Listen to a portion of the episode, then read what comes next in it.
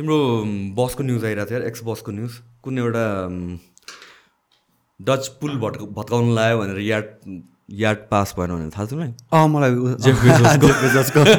मेरो बस तिम्रो एक्स बस एक्सबक्स बस के के भएको तिम्रो त्यो न्युज थाहा छ त्यो न्युज मैले अलिकति हेरेँ तर त्यस्तो डिटेलमा चाहिँ गइनँ म। मैले पनि उसको याद पास हुनलाई चाहिँ त्यो पुल some kind of monumental Dutch bridge नै भत्कायो भन्ने कुरा चाहिँ but then people with power you you never know अझ यो पास्ट पेन्डेमिकमा त नेटवर्थ उनीहरूको स्काई रकेट नै भएको छ रिचेस्ट पिपलहरूको मोस्टली एमाजोनको हेर्ने भने त एकदम स्काई रकेट भयो। त्यही त। त्यही भएर इम्प्लोइहरूलाई पनि लाइक इन्सेन्टिभहरू बाँडिरहेको थियो। तिमीलाई तिमीले त छोडिसक्यो। त्यति बेला पाएँ मैले। ए पायो?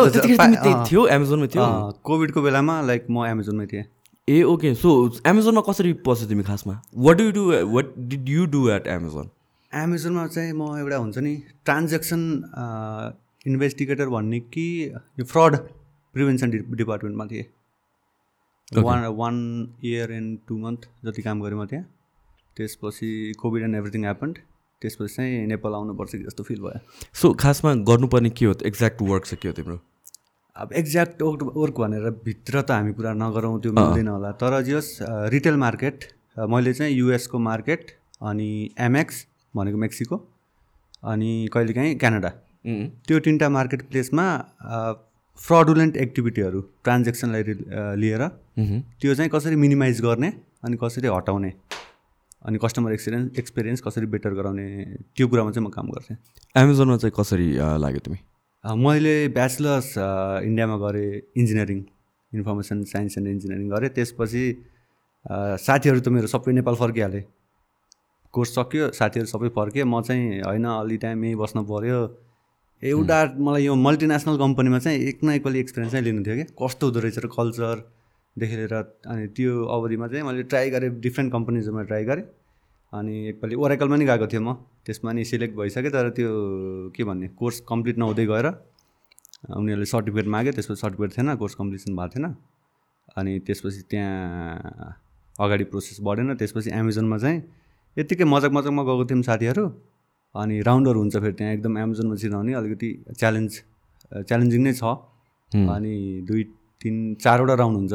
अनि यत्तिकै मजाक मजाकमा साथीहरू भएर बाइकमा लाइक फोर्टी किलोमिटर पर थियो क्या त्यो ड्राइभ पनि। एमाजोनको जुन सिलेक्सन क्याम्प थियो। फोर्टी किलोमिटर हामी बिहान गइयो। मजाक मजाकमै गइयो। सेलेक्ट हुन्छ जस्तो लागेको थिएन तर एक एकपछि अर्को एकपछि अर्को गर्दै राउन्ड क्लियर हुँदै गयो। मेरो साथीहरूको त भएन म भएँ। त्यसपछि फाइनल्ली सेलेक्ट भयो। उम्, अनि इन्टरभ्यू पनि भयो। इन्टरभ्यूमा पनि एकदम राम्रो गयो। त्यसपछि सिलेक्ट भयो। म लाइक के भयो? म सिलेक्ट भएँ त जस्तो फिल भयो कि। बिकज इट्स एमाजोन मजाक त होइन। अनि एकदम खुसी भएको थियो। त्यसपछि त्यसको सिलेक्सन भएको एक महिनापछि चाहिँ काम सुरु भएको थियो। कस्तो सेलेक्सन प्रोसेस चाहिँ के हुने रहेछ? राउन्ड्सहरू सेलेक्सन राउन्डमा चाहिँ यस्तो हुन्छ। त्यहाँ अब रोल अनुसार हुन्छ। अब त्यो रोललाई सुटेबल हुने खालको कुराहरू सोधिन्छ। ओके अब इङ्ग्लिस त बेसिक भइहाल्यो। फर्स्ट राउन्ड तपाईँको इङ्ग्लिस नै हुन्छ। ग्रामरदेखि लिएर सबै कुराहरू हुन्छ। त्यसपछि त्यो रोललाई चाहिने अब कहिलेकाहीँ कुनै रोलहरूलाई क्रिटिकल थिङ्किङ जान्छ। यस्तो यस्तो सिनेरियो बेसमा के यो सिनेरियो भयो भने के गर्थेस् भन्ने टाइपको क्वेसन आउँछ। अनि त्यो पनि थियो अलिकति टेक्निकल पनि अलिअलि थियो। अनि लास्टमा चाहिँ इन्टरभ्यू सो फोर राउन्ड थियो। सबै एक एक पछि एक अर्को क्लियर गर्दै गएँ त्यसपछि फाइनली आई गट सेलेक्टेड भनौँ न। एकदम ठुलो मुमेन्ट थियो। लागि एकदम। हाउ इज इट लाइक इन्डियाको एमाजोन नै आई वुड अज्युम कि लाइक हुन्छ नि द मेन एमाजोन कम्पनी जस्तै कल्चर चाहिँ सिमिलर नै हुन्छ होला नि कल्चर त what is the working experience like culture same हो लाइक एमाजोन भनिसकेपछि इन्डियामा ठुल्ठुलो बिल्डिङहरू छ अब ठुल्ठुलो पोस्टमा त फरेनर नै छ त्यहाँ पनि ए ओके अनि त्यसपछि ओर कल्चर वाइज हेर्ने हो भने त फरेन कल्चर नै छ लाइक एकदम एम्बायन्सदेखि लिएर अनि वर्किङ गर्ने त्यो भित्रको कल्चरहरू एकदम राम्रो छ like what is the typical day like कस्तो हुन्छ? टिपिकल त एकदम इन्ट्रेस्टिङ हुन्छ एमाजोनमा लाइक एमाजोनमा जाने भनिसकेपछि मलाई चाहिँ मेरो पर्सनल एक्सपिरियन्स कहिले मेरो जाने टाइम हुन्छ लाइक अफिस आवर जस्तै टेन टु सिक्स भयो भने दस कतिर बस्छ जस्तो हुन्थ्यो कि। त्यस्तो रमाइलो हुँदो रहेछ। मोस्टली चाहिँ पिपल काम गर्न जाने बेलामा दस त नबजे हुन्थ्यो फेरि जानु पऱ्यो भन्ने त्यो त्यो टाइपको उस हुन्छ। तर एमाजोनमा चाहिँ कत्र टाइम हुन्छ जाने अनि म जान्छु भन्ने टाइपको किन चाहिँ हुन्थ्यो। किन? I mean is it because तिमीलाई पर्सनली इन्ट्रेस्ट भएर हो कि कि लाइक त्यहाँको इन्भाइरोमेन्ट नै त्यस्तै छ? त्यहाँको इन्भाइरोमेन्ट नै त्यस्तै दाइ एकदम त्यहाँ लाइक बस टाइपको कोही पनि हुँदैन। सबैलाई आफ्नो काम एसाइन गरिदिएको हुन्छ। आफ्नो काम गर्नु पऱ्यो राम्रोसँग त्यसमा चाहिँ कम्प्रोमाइज गर्नु भएन। किन भन्दाखेरि एमाजोन होइन? अफकोर्स त्यसपछि काम आफ्नो राम्रो गरिसकेपछि त्यहाँ अब त्यहाँ क्याफेटेरियादेखि लिएर प्ले ग्रुपदेखि लिएर सबै कुराहरू छ। त्यहाँ गएर मजाले खेल्न पाइयो काउचहरूमा बस्न पाइयो ह्याङआउट गर्न पाइयो। काम गरेको जस्तो फिल नै नहुने क्या। एमाजोन चाहिँ एकदम डिबेटमा आइरहेको हुन्छ नि त लाइक हजुर। के अरे वर्किङ कन्डिसनहरू राम्रो भएन भनेर। इट इज लाइक ग्राउन्ड लेभलमा चाहिँ त्यस्तो हो कि कि हाउस इट लाइक के आइडिया छ तिमीलाई? त्यो ग्राउन्ड लेभलको त मलाई आइडिया भएन तर मैले चाहिँ कुनै प्रब्लम चाहिँ पाइनँ एमाजोनमा. Like one and one year जति काम गरेँ मैले एकदम राम्रो एक्सपिरियन्स सो तिम्रो टिपिकल डे कस्तो हुन्छ अरे दस बजी तिमीलाई जान हतार हुन्छ नि कहिले पुग्छ? मेरो टिपिकल डे चाहिँ मैले मोस्टली नाइट सिफ्ट गरेँ फेरि एमाजोनमा ए ओके नाइट सिफ्ट गरेँ मैले किन भन्दा एमाजोन कहिले बन्दै हुन्न। राति पनि काम गर्नुपर्छ बिहान पनि सिफ्ट अनुसार हुन्छ सिफ्ट चाहिँ आफैले पनि चुज गर्न पाइन्छ। मैले चाहिँ यत्तिकै पनि हामी अब एक दुई वर्षमा यत्तिकै नै राति बसेँ। नि त्यही भएर राति नै गर्छु भनेर राति नै रातिको सिफ्ट चुज गरेँ। रातिको सिफ्ट तपाईँको नौ बजीदेखि हुन्थ्यो। नौ बजीदेखि बिहान छ बजीसम्म हुन्थ्यो। अनि यता घरमा खानासाना पकायो खायो। त्यसपछि गयो एमाजोन त्यसपछि रातभरि रातिमा चाहिँ अलिकति अफिस अलिकति खाली हुन्छ। धेरै जस्तो त डे सिफ्टवाला हुन्छन्। सो रातिमा अझ रमाइलो हुन्छ।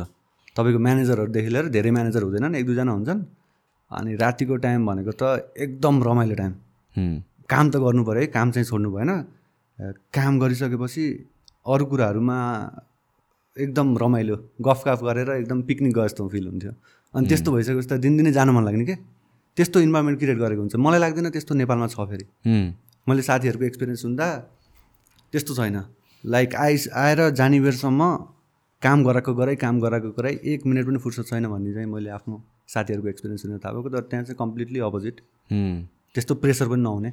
I think they have figure out एउटा सिस्टम जुन चाहिँ हुन्छ नि मल्टिपल टाइम्स उनीहरूले ट्राई गरेर across different parts of the world across different kind of people अनि ओभर द इयर्स उनीहरूले एउटा सिस्टम फिगर आउट गरेको छ that works for them big multinational company हजुर नेपालको कन्टेक्समा आई थिङ्क केले पनि स्टप गर्छ भनेपछि हाम्रो त यहाँतिर त यो स्टार्टअप कल्चरहरू अनि त्यसपछि यो सबै जुन टेक इन्डस्ट्रीहरू छ दिस इज रिलेटिभली न्यू नि त। हजुर कम्पनीजहरू पनि रिलेटिभली न्यू नै हुन्छ। आई थिङ्क त्यसले गरेर कहाँ कहाँ चाहिँ अलिक गाह्रो भएको हो कि अहिले एट दिस मोमेन्ट जस्तो लाग्छ इभेन्चुली त इभल्भ हुन्छ होला नि होइन र?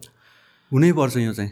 हुँ, लाइक इम्प्लोइलाई पनि आफ्नो कम्पनीमा काम गर्न जाँदा मोटिभेसन मिलोस् न। ए आज त जान झ्याउला छ आज त जान मन लागेन भन्ने टाइपको त्यो भाइब्स नै नआओस्। बल्ल ऊ पनि प्रोडक्टिभ हुन्छ अनि मन लाग्छ काम गर्न पनि। त्यो त अब इम्प्लोयरले क्रिएट गरिदिने हो नि त त्यो इन्भाइरोमेन्ट त। त्यो नेपालमा चाहिँ अलिकति कमी छ जस्तो लाग्छ। अब म त कुनै पनि नेपालको टिपिकल कम्पनीहरूमा काम गरेको छैन सो मलाई पर्सनल एक्सपिरियन्स छैन तर सुनेअनुसार साथीहरूको कुरा। सो तिमीले कति more than a year one year and two month one in two month अनि was it like the same kind of work गर्ने कि कस्तो यस्तो आफ्नो काम त सेम हुन्छ। तर आफू एडिसनल अरू पनि कुराहरूमा आफू एट्याच हुन पाइन्छ। जस्तै म आफ्नो काम त गर्थेँ नै तर मलाई अलिकति क्रिएटिभ साइडतिर पनि इन्ट्रेस्ट लाग्थ्यो। सो मैले यो हाम्रो इभेन्टहरू हुन्छ बेला विकली इभेन्ट हुन्छ मन्थली इभेन्ट हुन्छ त्यसमा ग्राफिक डिजाइन गर्ने त्यो इभेन्टको लागि एडिटिङहरू गर्ने त्यो सबै कुराहरूमा इन्भल्भ थिएँ। सो आफ्नो कामलाई अगाडि बढाउँदा बढाउँदै अरू कुराहरूमा इन्भल्भ भएर जस्ट ओभरअल ग्रोथ चाहिँ हुन्थ्यो। तिमी अनि नेपाली सिटिजनसिप भए पनि इन्डियामा चाहिँ काम गर्न पाइन्छ? इन्डियामा काम गर्न पाइन्छ। यस्तो छ इन्डियाको सिस्टम फेरि एकदम कन्ट्रोभर्सियल कुरा छ। इन्डियामा एउटा आधार कार्ड भन्ने सिस्टम छ। राइट हो हो। धेरैलाई सोसियल सिक्युरिटी जस्तै हो बाहिरको? अँ त्यो त्यो धेरैलाई के कन्फ्युजन छ भन्दाखेरि आधार कार्ड भनेको सिटिजनसिप भन्ने डाउट छ है नेपालमा त्यो सोच्दा रहेछन्। तर आधार कार्ड भनेको चाहिँ एड्रेस प्रुफ हो। Ah okay. त्यो जसले पनि पाउँछ। Okay okay. तपाईँ जानु एक दुई वर्ष बस्नुहोस्। तपाईँलाई आफ्नो कलेजले चाहिँ रिकमेन्ड गर्नु पऱ्यो गऱ्यो भने आधार कार्ड पाइन्छ। नेपाली होस् कि पाकिस्तानी होस्। पाकिस्तानी भए त पाइन्न होला डिफेन्ड गर्छ। पाकिस्तानी त पाइन्न होला। तर जे होस् कुन कन्ट्रीबाट आएको भनेर लाइक मलाई त्यो प्रब्लम नै भएन क्या मलाई कलेजले एउटा बोनाफाइड लेटर लेखिदियो अनि मैले ब्याङ्क एकाउन्ट क्रिएट गरिसकेको थिएँ। अनि त्यति दुइटा प्रुफ भइसकेपछि गएँ। फोटो खिचाएँ। यो सबै बायोमेट्रिकहरू त्यसपछि कहाँ हो के हो कुन कन्ट्रीबाट आएको त्यो कुनै पनि त्यस्तो क्वेसन जुन पनि वर्कको लागि एलिजिबल भयो। नेपालको कन्टेक्समा बाहिरको मान्छेले आएर काम गर्नु पाउँछ कि पाउँदैन कि? इज देयर सेपरेट प्रोसेस नेपालको कन्टेक्स्टमा चाहिँ पाउँदैन होला। है? त्यो चाहिँ पाउँदैन। यस्तो टेक इन्डस्ट्रीमा चाहिँ पाउँदैन होला किन भन्दाखेरि यहाँ आइसकेपछि सिटिजनसिप म्यान्डेटरी छ अहिले। ओके त्यसमा त्यो प्यान पनि म्यान्डेटरी छ। यो भनेको त सिटिजनसिप प्रुफ हो। अनि बाहिरी मान्छे आएर त सिटिजनसिप पाइएन। सो अलिकति गाह्रो छ होला। नेपालको कन्टेक्समा अब यो इ कमर्स वेबसाइट्सहरू पनि टन्न खोलिरहेको छ होइन? I think it's it's a booming market जस्तो लाग्यो। के अरे यो लकडाउनकै बेलामा कोभिडको बेलामा पनि कतिवटा केसेसमा चाहिँ देयर आर सो मेनी कम्पनीजहरू आयो गयो होइन? यो बिट थ्रु पेजेस अरू बी थ्रु लजिट वेबसाइट्सहरू अहिलेको कन्टेक्स्टमा आई थिङ्क पायोनियर गरिरहेको भने दराज नै होला यहाँ। दराज नै हो अहिले। है। So where is it heading in context to भनौँ न एमाजोनसँगै कम्पेयर गर्नु पऱ्यो भने इन्डियाको फ्लिपकार्टसँग कम्पेयर गर्नु पऱ्यो भने चाहिँ लाइक कुन स्टेटमा छ अहिले दराजको अहिले अहिले दराज भन्दा पनि हाम्रो नेपालीहरूको मेन्टालिटी हुन्छ नि। त्यो अझै अनलाइन सपिङतिर अझै अलिकति भइसकेको छैन त्यतातिर। बिहेभियर नै भएको छ। हामीलाई फेरि सामान छोएरै किन्नुपर्ने त्यस्तो खालको मा मानसिकता छ नि त नेपालीको। त्यो त अब इभेन्चुअली त्यो त चेन्ज हुन्छ नै। अब यो कोभिडले पनि धेरै इम्प्याक्ट गर्यो त्यो कुरामा। कोभिड पछि पनि हाम्रो धेरै नेपालीहरूले चाहिँ बल्ल अनलाइन अर्डरिङ सिस्टममा चाहिँ हात हाल्नुभयो भनौँ न। तर त्योभन्दा अगाडि त लाइक थिएन नि त। त्यही भएर इभेन्चुअली अब पाँच छ वर्षमा चाहिँ हुन्छ होला राम्रै ग्रोथ हुन्छ होला नेपालमा इ कमर्सको I think one of the main reason किन भनेर भनेपछि जुन अर्ली स्टेजेसमा आयो नि त इ कमर्सहरू या भन्छ इन्स्टाग्राम पेजेसहरू त्यहाँबाट वाइल्ड मान्छेहरू ठगियो पनि के? इन टर्म्स अफ प्रडक्ट नै एउटा क्वालिटी देखाउने अर्को पाइदिने प्रडक्ट नै डिफ्रेन्ट पठाइदिने होइन? अनि सो सो त्यो झन्झट भएपछि अनि मान्छेहरू अलि हिचकिचाएको हो क्या खासमा चाहिँ। सो एज लङ एज त्यो क्वालिटीलाई सिरियसली लिँदैन र त्यो ब्रान्डलाई सिरियसली लिँदैन I think that would still be a problem हो त्यो त्यहाँ चाहिँ अर्को एउटा प्रब्लम आउँछ दाइ मान्छेहरूले सामान जस्तै मैले ए बाई गरेँ सामान पठाउनेले बी बिस बी प्रोडक्ट सेन्ड गरिदियो। हो।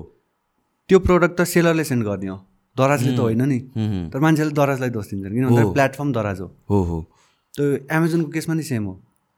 तपाईँको एमाजोनले सेलरलाई साइनअप गराउँछ बायरलाई साइनअप गराउँछ आफू बस मेडिएटर हो। सेलरले अर्डर आइसकेपछि सिधै बायरलाई सिप गर्छ।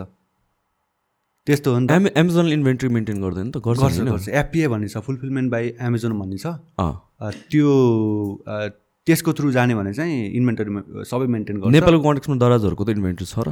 दराजको आई थिङ्क छैन होला। So directly it's the so के गइरहेछ थाहा नै हुँदैन। उता अब जस्तो कि एमाजोनको केसमा त के गइरहेछ त्यो क्वालिटी कन्ट्रोल भन्ने केही न केही त गर्छ होला नि त उनीहरूले to make sure that the customers are satisfied यस्तो छ एमाजोनमा पनि दुईवटा पार्ट छ कि? एउटा तपाईँले सिधै सेलर भएर सिधै आफैले प्याकेजिङ गरेर आफैले सिप गरेर पठाउनु पर्ने हुन्छ। एउटा त्यो पार्ट भयो।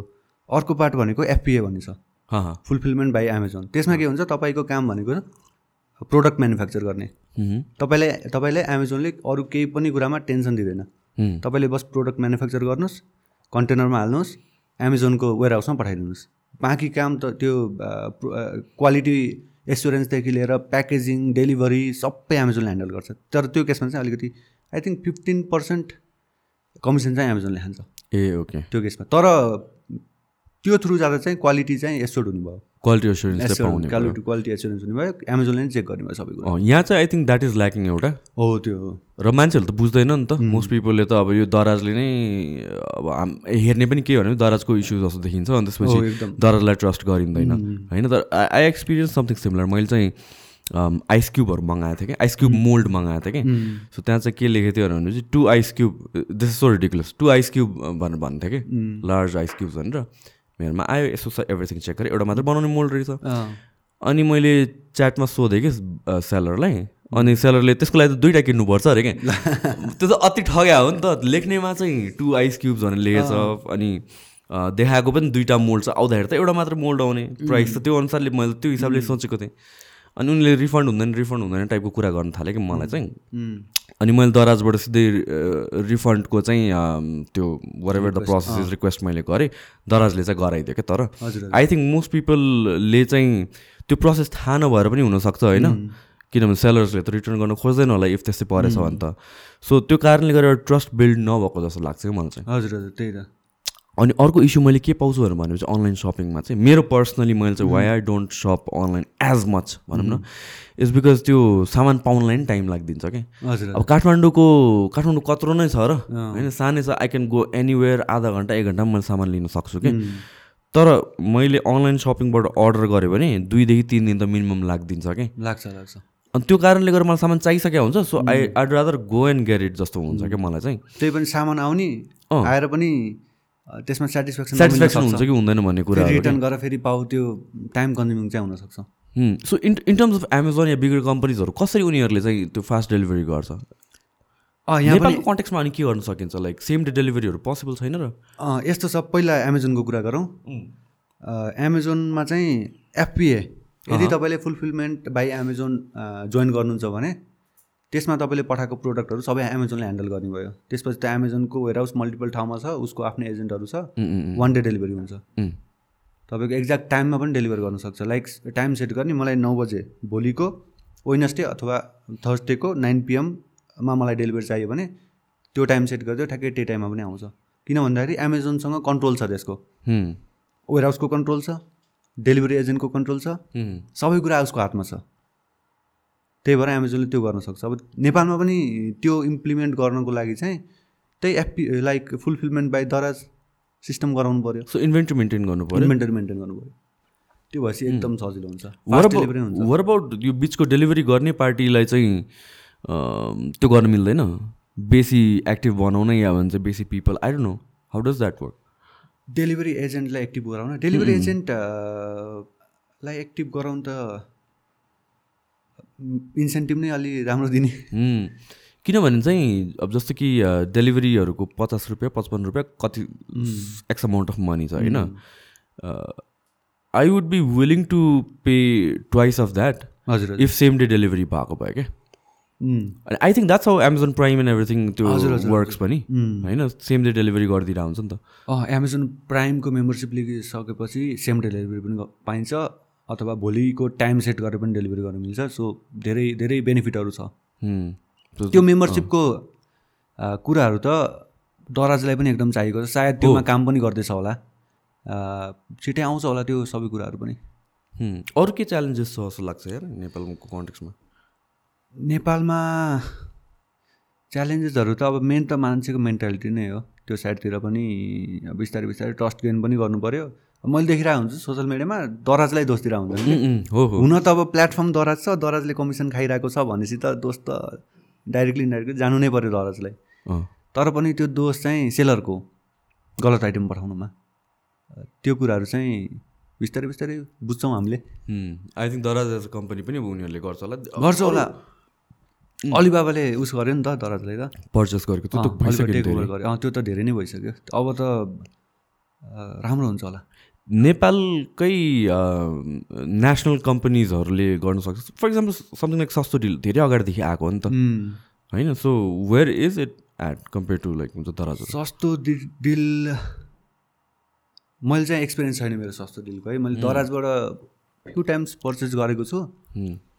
अब दराज अलिबाबाको हुने भइसकेपछि त्यसमा अब दराजसँग धेरै पावर पनि हुने भयो कि। फन्डको कुरा पनि आउने भयो होइन? अनलिमिटेड फन्ड- नै भयो अनलिमिटेड फन्ड भयो नि त। अब दराजको हेर्नुभयो भने क्याम्पेनहरू कुनै क्याम्पेनहरू गऱ्यो भने पुरै सेलिब्रिटीहरू इन्भाइट गरेर हुन्छ कि. अनि इभेन्टहरू पनि एकदम ग्रान्ड गरिरहेको हुन्छ। तर सस्तो डिलले अब नेपालको कम्पनी त्यस्तो ग्रान्ड गर्न गाह्रो गाह्रै हुन्छ। फन्डकै कुरा पनि आउनसक्छ। त्यो कुरा। इन टर्म्स अफ युट्युबमा कसरी लाग्यो? कन्टेन्टमा कसरी लाग्यो? मैले चाहिँ तिमीलाई डिस्कभर गरेको भनेको चाहिँ टिकटकमा हो हेर है। मोस्ट पिपलले मैले यहाँ तिम्रो बारेमा कुरा गर्दाखेरि पनि दे आर लाइक आइपिओ दाई भनेर भन्छ कि हजुर भन्छ आइपिएडआई भन्छ मलाई। सो कसरी तिमीले स्टार्ट गर्यो कन्टेन्ट वाइज यस्तो भयो म चाहिँ कन्टेन्ट बनाउने प्लान नै थिएन मेरो। म एकदम इन्ट्रोभर्ट गाई हो फेरि। धेरैलाई थाहा नहुन सक्छ त्यो कुरा युट्युब भिडियो हेर्दा है। हुँ, एकदम इन्ट्रोभर्ट म। क्यामेरा अगाडि आएर भिडियो बनाउनु भनेको त मेरो लागि एकदम बिग डिल नै थियो। अनि तर के भयो भन्दाखेरि मैले लाइफमा धेरै कुराहरू एक्सपिरियन्स गरेँ। इन्डिया हुँदा। मोस्टली नेपालमै भएको भए सायद त्यो कुराहरू एक्सपिरियन्स गर्न पाउँथेन होला। इन्डियामा गएर मैले धेरै कुरा एक्सपिरियन्स गरेँ। फ्रिल्यान्सिङको कुरा त्यो पनि पछि हामीले जोडिन्छ होला। त्यसपछि मलाई के फिल भयो भन्दाखेरि त्यति बेला मैले जुन बेला फ्रिल्यान्सिङ स्टार्ट गरेको थिएँ। त्यति बेला नेपालमा बस्ने मेरो साथीहरूदेखि लिएर धेरैलाई फ्रिल्यान्सिङको बारेमा थाहै रहन्छ। तिमीले चाहिँ उता इन्डियामै हुँदाखेरि इन्डियामै हुँदा गरेँ। टु थाउजन्ड सिक्सटिन लाइक म सेकेन्ड इयरतिर थिएँ होला इन्जिनियरिङको मैले फ्रिल्यान्सिङ सुरु गरेर राम्रो एकदम ग्रोथ राम्रो भइरहेको थियो इन्कम राम्रो भइरहेको थियो अनि त्यस्तो भइरहेछ जब कि नेपालमा धेरैलाई थाहै रहन्छ। अनि त्यो कुरा सुनेर चाहिँ मैले होइन आफ्नो साइडबाट एउटा केही न केही त दिनुपर्छ। होइन? थाहा रहेन चाहिँ यो एउटा त नेपालमा त अपर्च्युनिटीको कमी छ नि त कम्पेरिटिभली टु इन्डिया अफकोर्स अनि नेपालीहरूले पनि जस धेरैले अप्परको बारेमा थाहा पायो भने ट्यालेन्ट त छ फेरि नेपालमा। ट्यालेन्टको कमी छैन। भने त केही न केहीले त अलिकति आफ्नो हुन्छ नि फाइनेन्स अलिकति स्ट्रङ बनाउन सकिन्छ फ्रिल्यान्सिङबाट डलरमा इन्कम हुन्छ त्यसमा। त्यसपछि मैले त्यही सोचले मैले धेरै कुरा एक्सपिरियन्स गरेको छु like freelancing drop shipping drop shipping drop shipping पनि मैले एक्सपिरियन्स गरेको छु। Drop ship shipping is it relevant अहिले ट्वेन्टी ट्वेन्टी टूमा आएर? छ दाइ हो र अहिले पनि छिर्न चाहिँ इज इट सजिलो नि छ र त्यो जुन एउटा हाइप थियो एटिन नाइन्टिनतिर त धेरैजनाले छिर्यो नि त त्यहाँ ड्रप सिपिङहरूमा ड्रप सिपिङमा छिर्न खोज्यो भने अहिले पनि सकिन्छ। तर मार्केट एकदम स्याचुरेटेड भएको त्यही भन्नु हाई कम्पिटिसन छ ड्रप हो। सो हाइली रिस्की छ त्यो चाहिँ। रिवार्ड भन्दा यहाँ रिस्कको कुरा बढी छ। त्यसमाथि इन्भेस्टमेन्ट पनि अलिक बढी नै लाग्छ। सो एउटा नर्मल मान्छेको लागि ड्रप सिपिङमा छिर्न अलिक गाह्रै हुन्छ। Plus I heard content context where चाहिँ अब कोही एकजनाले चाहिँ एउटा प्रडक्ट चाहिँ ड्रपसिपको लागि त्यहाँ एमाजोनमा लिस्ट गर्यो।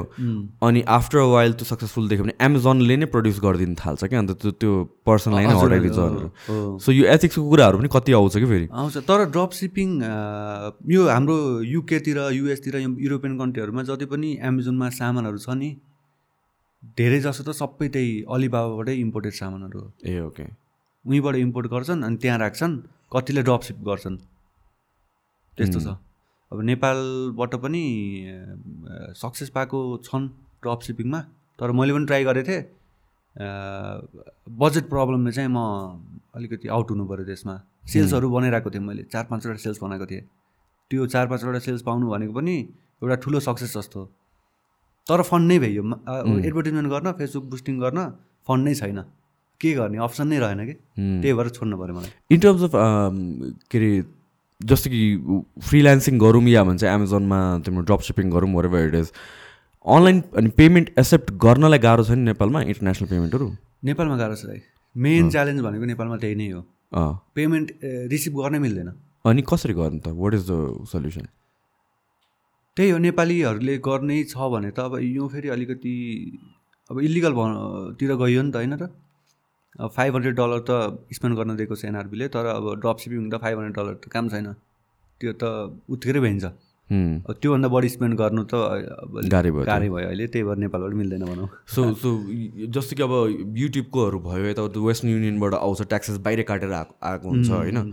So that is in a way a legit way तर डिफ्रेन्ट यो वर्कहरूको बेसिसमा पैसा कमाउँछ नेपालमा अहिले पनि गाह्रो छ। टु फाइन्ड द्याट एउटा प्रपर पेमेन्ट गेटवे या एनिथिङ यस्तो छ अपवर्क फ्रिल्यान्सिङ प्लेटफर्म जुन अपवर्कको कुरामा त्यसले चाहिँ लोकल ब्याङ्कमै पेमेन्ट सेन्ड गरिदिन्छ। ए ओके लोकल ब्याङ्क जस्तै हाम्रो लोकल ब्याङ्कहरू कमर्सियल ब्याङ्कमा चाहिँ उसले एउटा के अरे पेमेन्ट सेन्ड गरिदिन्छ। त्यो पनि like twenty four to forty eight आवर्समै receive गर्न मिल्छ। ए ओके त्यसले गर्दा चाहिँ एकदम सजिलो बनाएको छ। सबै प्लेटफर्ममा ब्याङ्क विड्रल पोसिबल छैन। तर अपवर्कमा चाहिँ पहिलेदेखि पोसिबल थियो मैले गर्दादेखि नै। अनि त्यसले गर्दा सजिलो बनाएको छ। अपवर्कमा कस्तो पोसिबिलिटिजहरू छ फर फ्रिल्यान्सर एकदम राम्रो छ दाइ हामीले के के गर्न मिल्छ भन्नु खोजेँ मैले? चाहिँ जे पनि गर्न मिल्छ। तपाईँसँग ट्यालेन्ट छ केही कुराको स्किल छ भने अपवर्कमा त्यो रिलेटेड टास्क पाइन्छ पाइन्छ।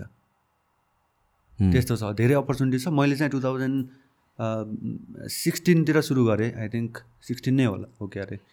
अनि त्यति बेला चाहिँ म पनि अलिकति हुन्छ नि यो अनलाइन इन्कम कसरी गर्ने भनेर एकदम इन्ट्रेस्ट देखाएको मान्छे। लाइक एघार बाह्रमा पढ्ने बेलादेखि नै कसरी अनलाइनबाट इन्कम गर्ने होला भनेर सोचिरहेको थिएँ अनि गुगल युट्युब त मैले भ्याएको थिएँ लगभग। सर्च गरेर भ्याएको थिएँ। अनि त्यही सन्दर्भमा एउटा युट्युब भिडियो मैले पछि भेटाएँ एकदम लाइक सर्च गरेको तिन चार महिनापछि हार खाएपछि त्यसको बिच बिचमा पनि स्क्यामहरू भयो। त्यसपछि चाहिँ मैले अप्परको बारेमा थाहा पाएँ एउटा भिडियोबाट। त्यसपछि रहेछ त प्लेटफर्म। मसँग फेरि ट्यालेन्ट थिएन त्यति बेला। केही स्किल नै थिएन। प्लेटफर्म त भेट्यो अब स्किल गेन गर्नु पऱ्यो त्यसपछि प्लेटफर्म हेरेँ सबै साइनअप गरेँ एकाउन्ट बनाएँ। अनि त्यसपछि म फेरि अलिकति रिसर्च गर्ने मान्छे।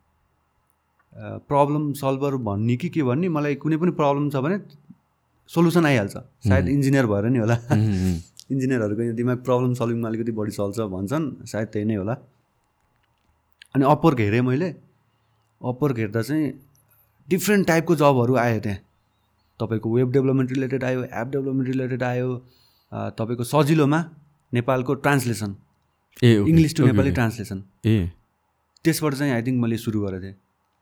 त्यति बेला मैले सुरु गर्दा फेरि कम्पिटिसन नै थिएन।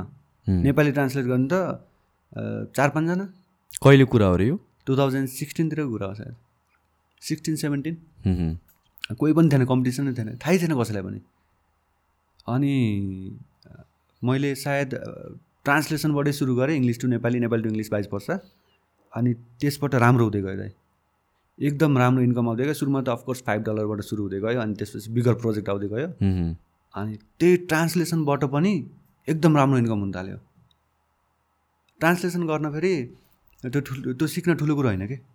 त्यो एकदम इजिली सिक्ने पनि सिक्न सकिने कुरा हो अनि त्यसबाट पनि डलरमा इन्कम हुँदा त म त। बिस्तारै बिस्तारै त एकदम राम्रो हुँदै गयो।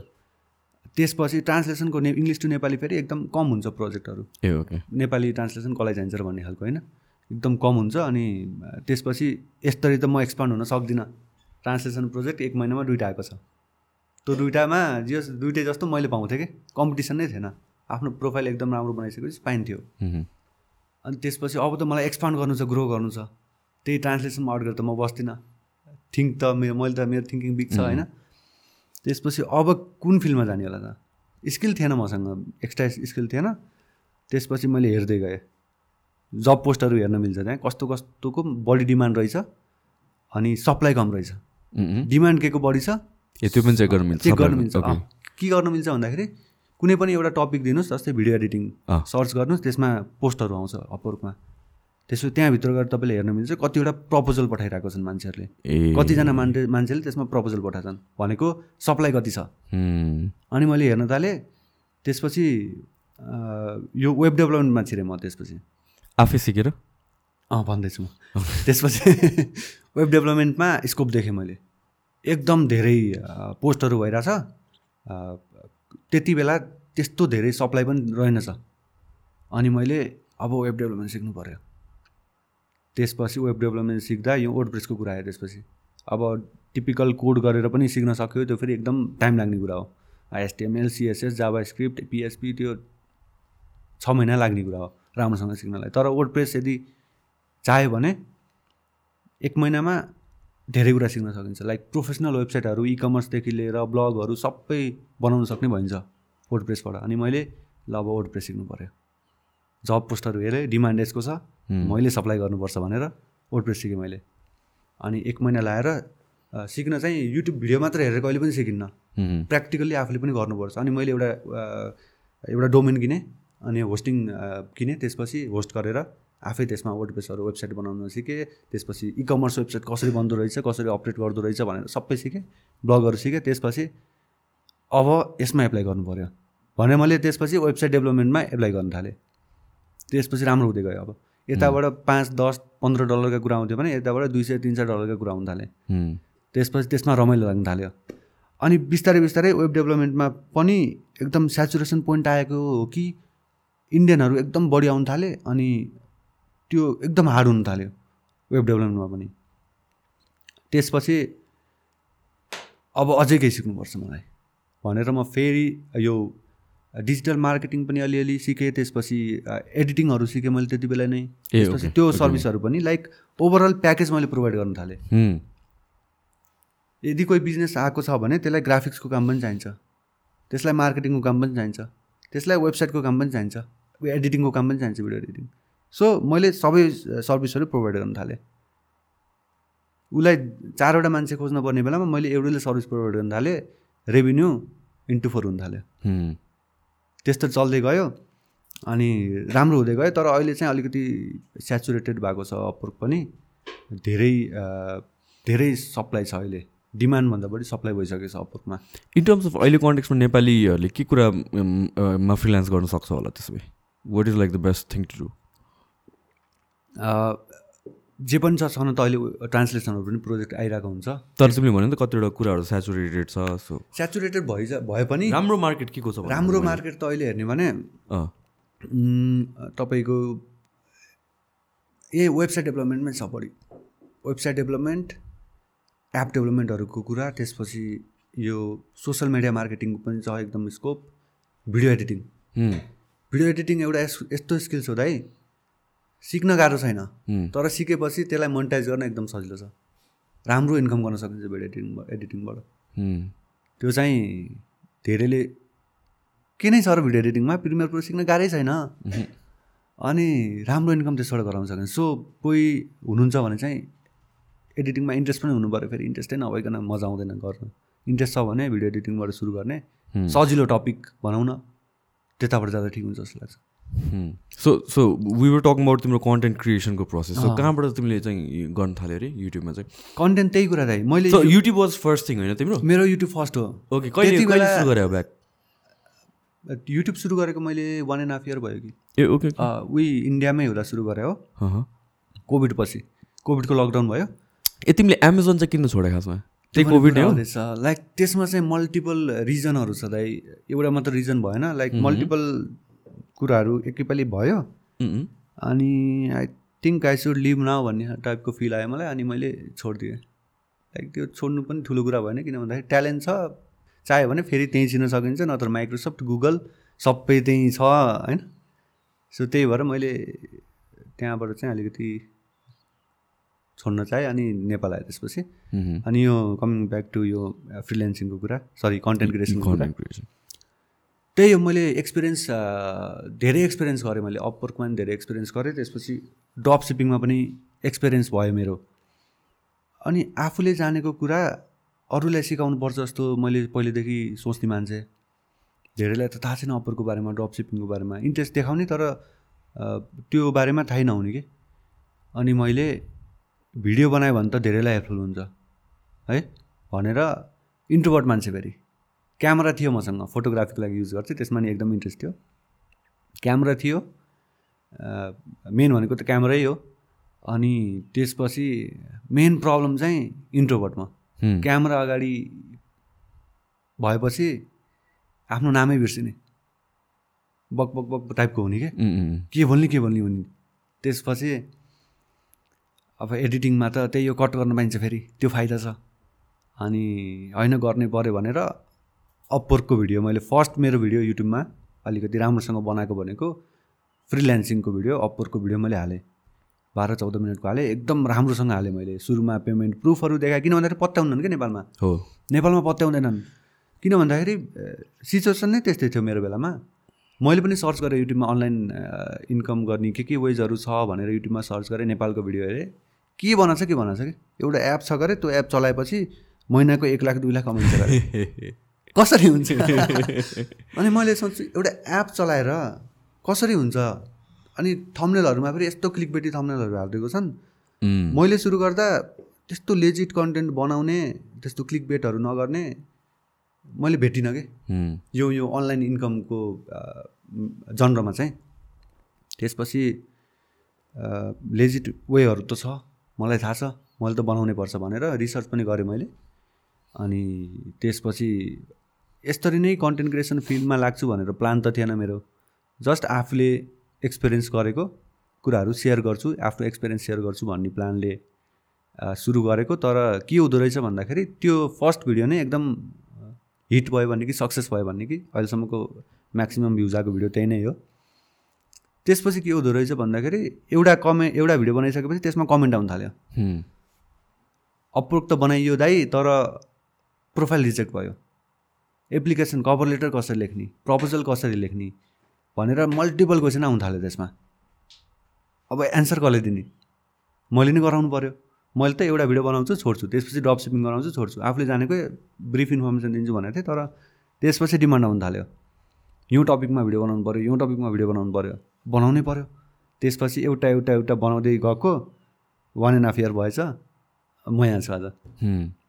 So so YouTube was it like most people तिमीलाई युट्युबबाट चिन्छ कि टिकटकबाट मैले त तिम्रो कन्टेन्ट देखाएँ टिकटकमा डेफिनेटली टिकटक दाइ। किनभने इट्स टु डाउट के? तिम्रो कन्टेन्ट कस्तो थियो भनेर भन्दाखेरि द क्वालिटी टिकटकको लागि क्वालिटी इट वाज एकदमै राम्रो क्वालिटी थियो कि। होइन किन टिकटकमा त ड्याङडुङ एकदमै र हुन्छ मोस्ट कन्टेन्टहरू तिम्रो चाहिँ त्यो ठ्याक्क मजाले लाइटिङ पनि मिलाएको छ क्यामरा पनि मिलाएको छ बोके पनि छ कलर ग्रेडेड पनि छ अडियो क्वालिटी पनि राम्रो छ।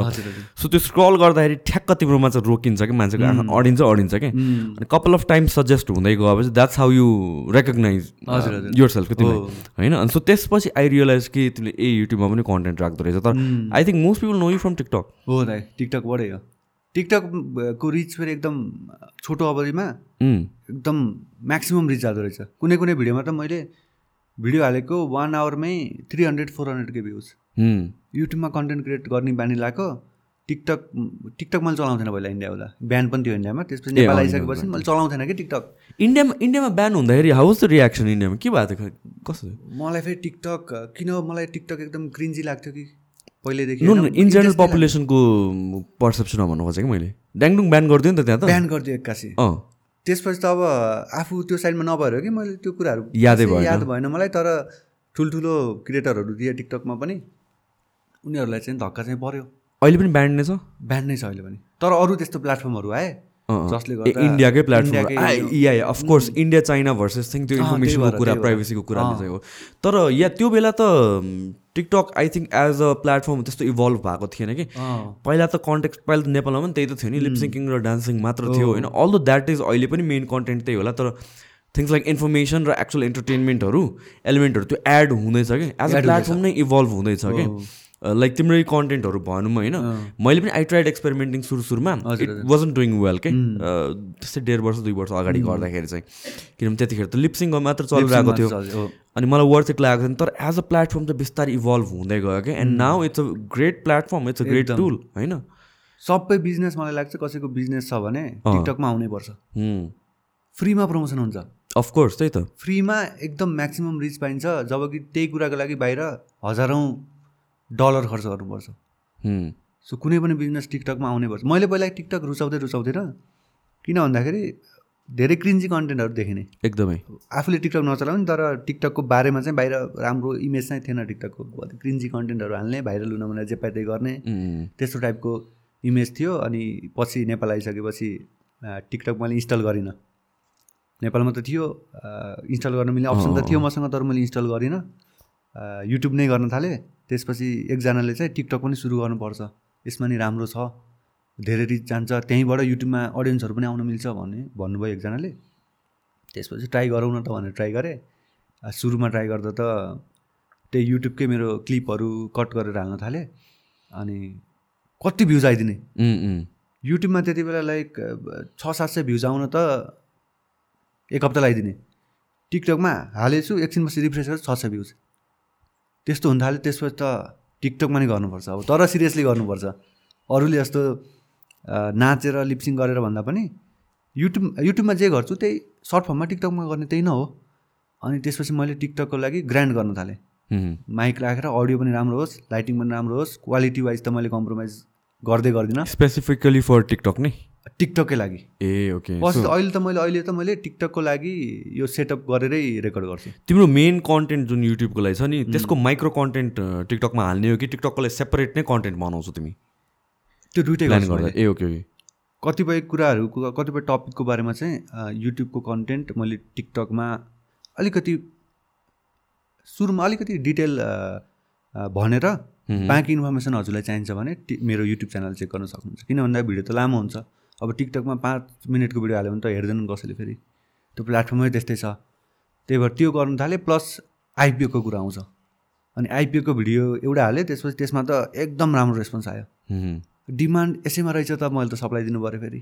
त्यति बेला सायद यो आइपिओको जुन एनाउन्समेन्ट यस्तो यस्तो आउँदैछ भनेर चाहिँ कसैले पनि गर्थेन होला। जब त्यति बेला जब मैले सुरु गरेको थिएँ अहिले त धेरै आइसक्नु अहिले त धेरैजना आइसक्नु भएको छ। अनि त्यसले पनि मेरो ग्रोथ एकदम छिटो समयमा म्याक्सिमम् ग्रोथ गराएको त यो आइपिओको भिडियोले तिमी स्टक्समा पहिलादेखि नै इन्ट्रेस्टेड थियौ इन्भल्भ थियौ? नेपाल आएपछि म। नेपाल आएपछि? लाइक इन्डियन त्यतातिर नजाउँ हामी। नेपाल आइसकेपछि नै भयो भनौँ न। ओके सो त्यो अनाउन्समेन्टको बारेमा तिमीलाई कस्तो थाहा हुन्थ्यो? लाइक यहाँ यहाँ आइपिओ खोल्दैछ यस्तो त्यो त सिम्पल छ नि दाइ त्यो त सेयर संसार सेयर त्यहाँ न्युजहरू आउँछ मेरो लगानी। त्यो त अब यदि हामीले सेयर मार्केटमा इन्भेस्टमेन्ट गर्दैछौँ भने दिनको दुई तिन पालि चाहिँ तपाईँले सेयर संसार डट कम मेरो लगानी डट कम नेपाली पैसा चेक गर्नै पर्छ अपडेटेड हुनैपर्छ। तपाईँको आइपिओका कुरा आउँछन् कम्पनीको फाइनेन्सियल रिपोर्ट आउँछ। त्यति चेक गऱ्यो भने पनि धेरै कुरा सिकिँदो रहेछ। अरू कोर्सहरू लिएर यताउति गर्नुभन्दा पनि त्यति अपडेटेड भइराख्यो भने यो कम्पनीले यति प्रफिट गराइरहेको छ। यहाँ यो आइपिओ आउँदैछ यस्तो यस्तो ग्रोथ भइरहेछ यस्तो यस्तो हुनेवाला छ सेभनको। चेयरपर्सनको कुराहरू नेप्सेको चेयरपर्सनको कुराहरू धेरै कुरा त्यही न्युजबाटै थाहा थाहा पाइदो रहेछ। So you believe in long term investing uh long term investment नै बिलिभ गर्छु म. ट्रेडिङ चाहिँ गर्दिनँ किन भन्दाखेरि म मेरो प्राइमरी त स्टक्स त होइन नि त मेरो। अब स्टक मार्केटको ट्रेडर भएको भए त इलेभेन टु थ्री त त्यसैमा लाग्नुपर्छ। अब मेरो त आफ्नै अरू मल्टिपल कुराहरू छ त्यही भएर यता मैले टाइम दिनै भ्याउँदिनँ। अपडेटेड पनि जस्ट खोलिरहेको हुन्छु तर त्यस्तरी टाइम दिन चाहिँ मैले भ्याउँदिनँ। यो आइपिओहरू आउँछ नि त बेला बेलामा। अब the number of people who apply for the IPO यति धेरै छ कि सबैलाई पर्दैन कि? केही तरिका छ जसले चाहिँ हुन्छ नि? त्यस्तो त can give you an advantage so it is एकदम लटरी जस्तै भएर आइसक्यो अहिले त। होइन त? अँ अहिले त गाह्रो छ। अब डिम्याट एकाउन्टको युजर नै फोर्टी एट ल्याक्स पुगिसके मह्म। नागिसक्यो फोर्टी एट ल्याक्स अब अहि- अहिले यो जुन रिसेन्ट आइपिओ खुलेको छ सायद अहिले पनि छ। त्यसमा जम्मा फिफ्टी थाउजन्डले दस किताब पाउँछन्। टोटल भर्नी चाहिँ त्यसमा लगभग तिस लाखले भर्छन् होला।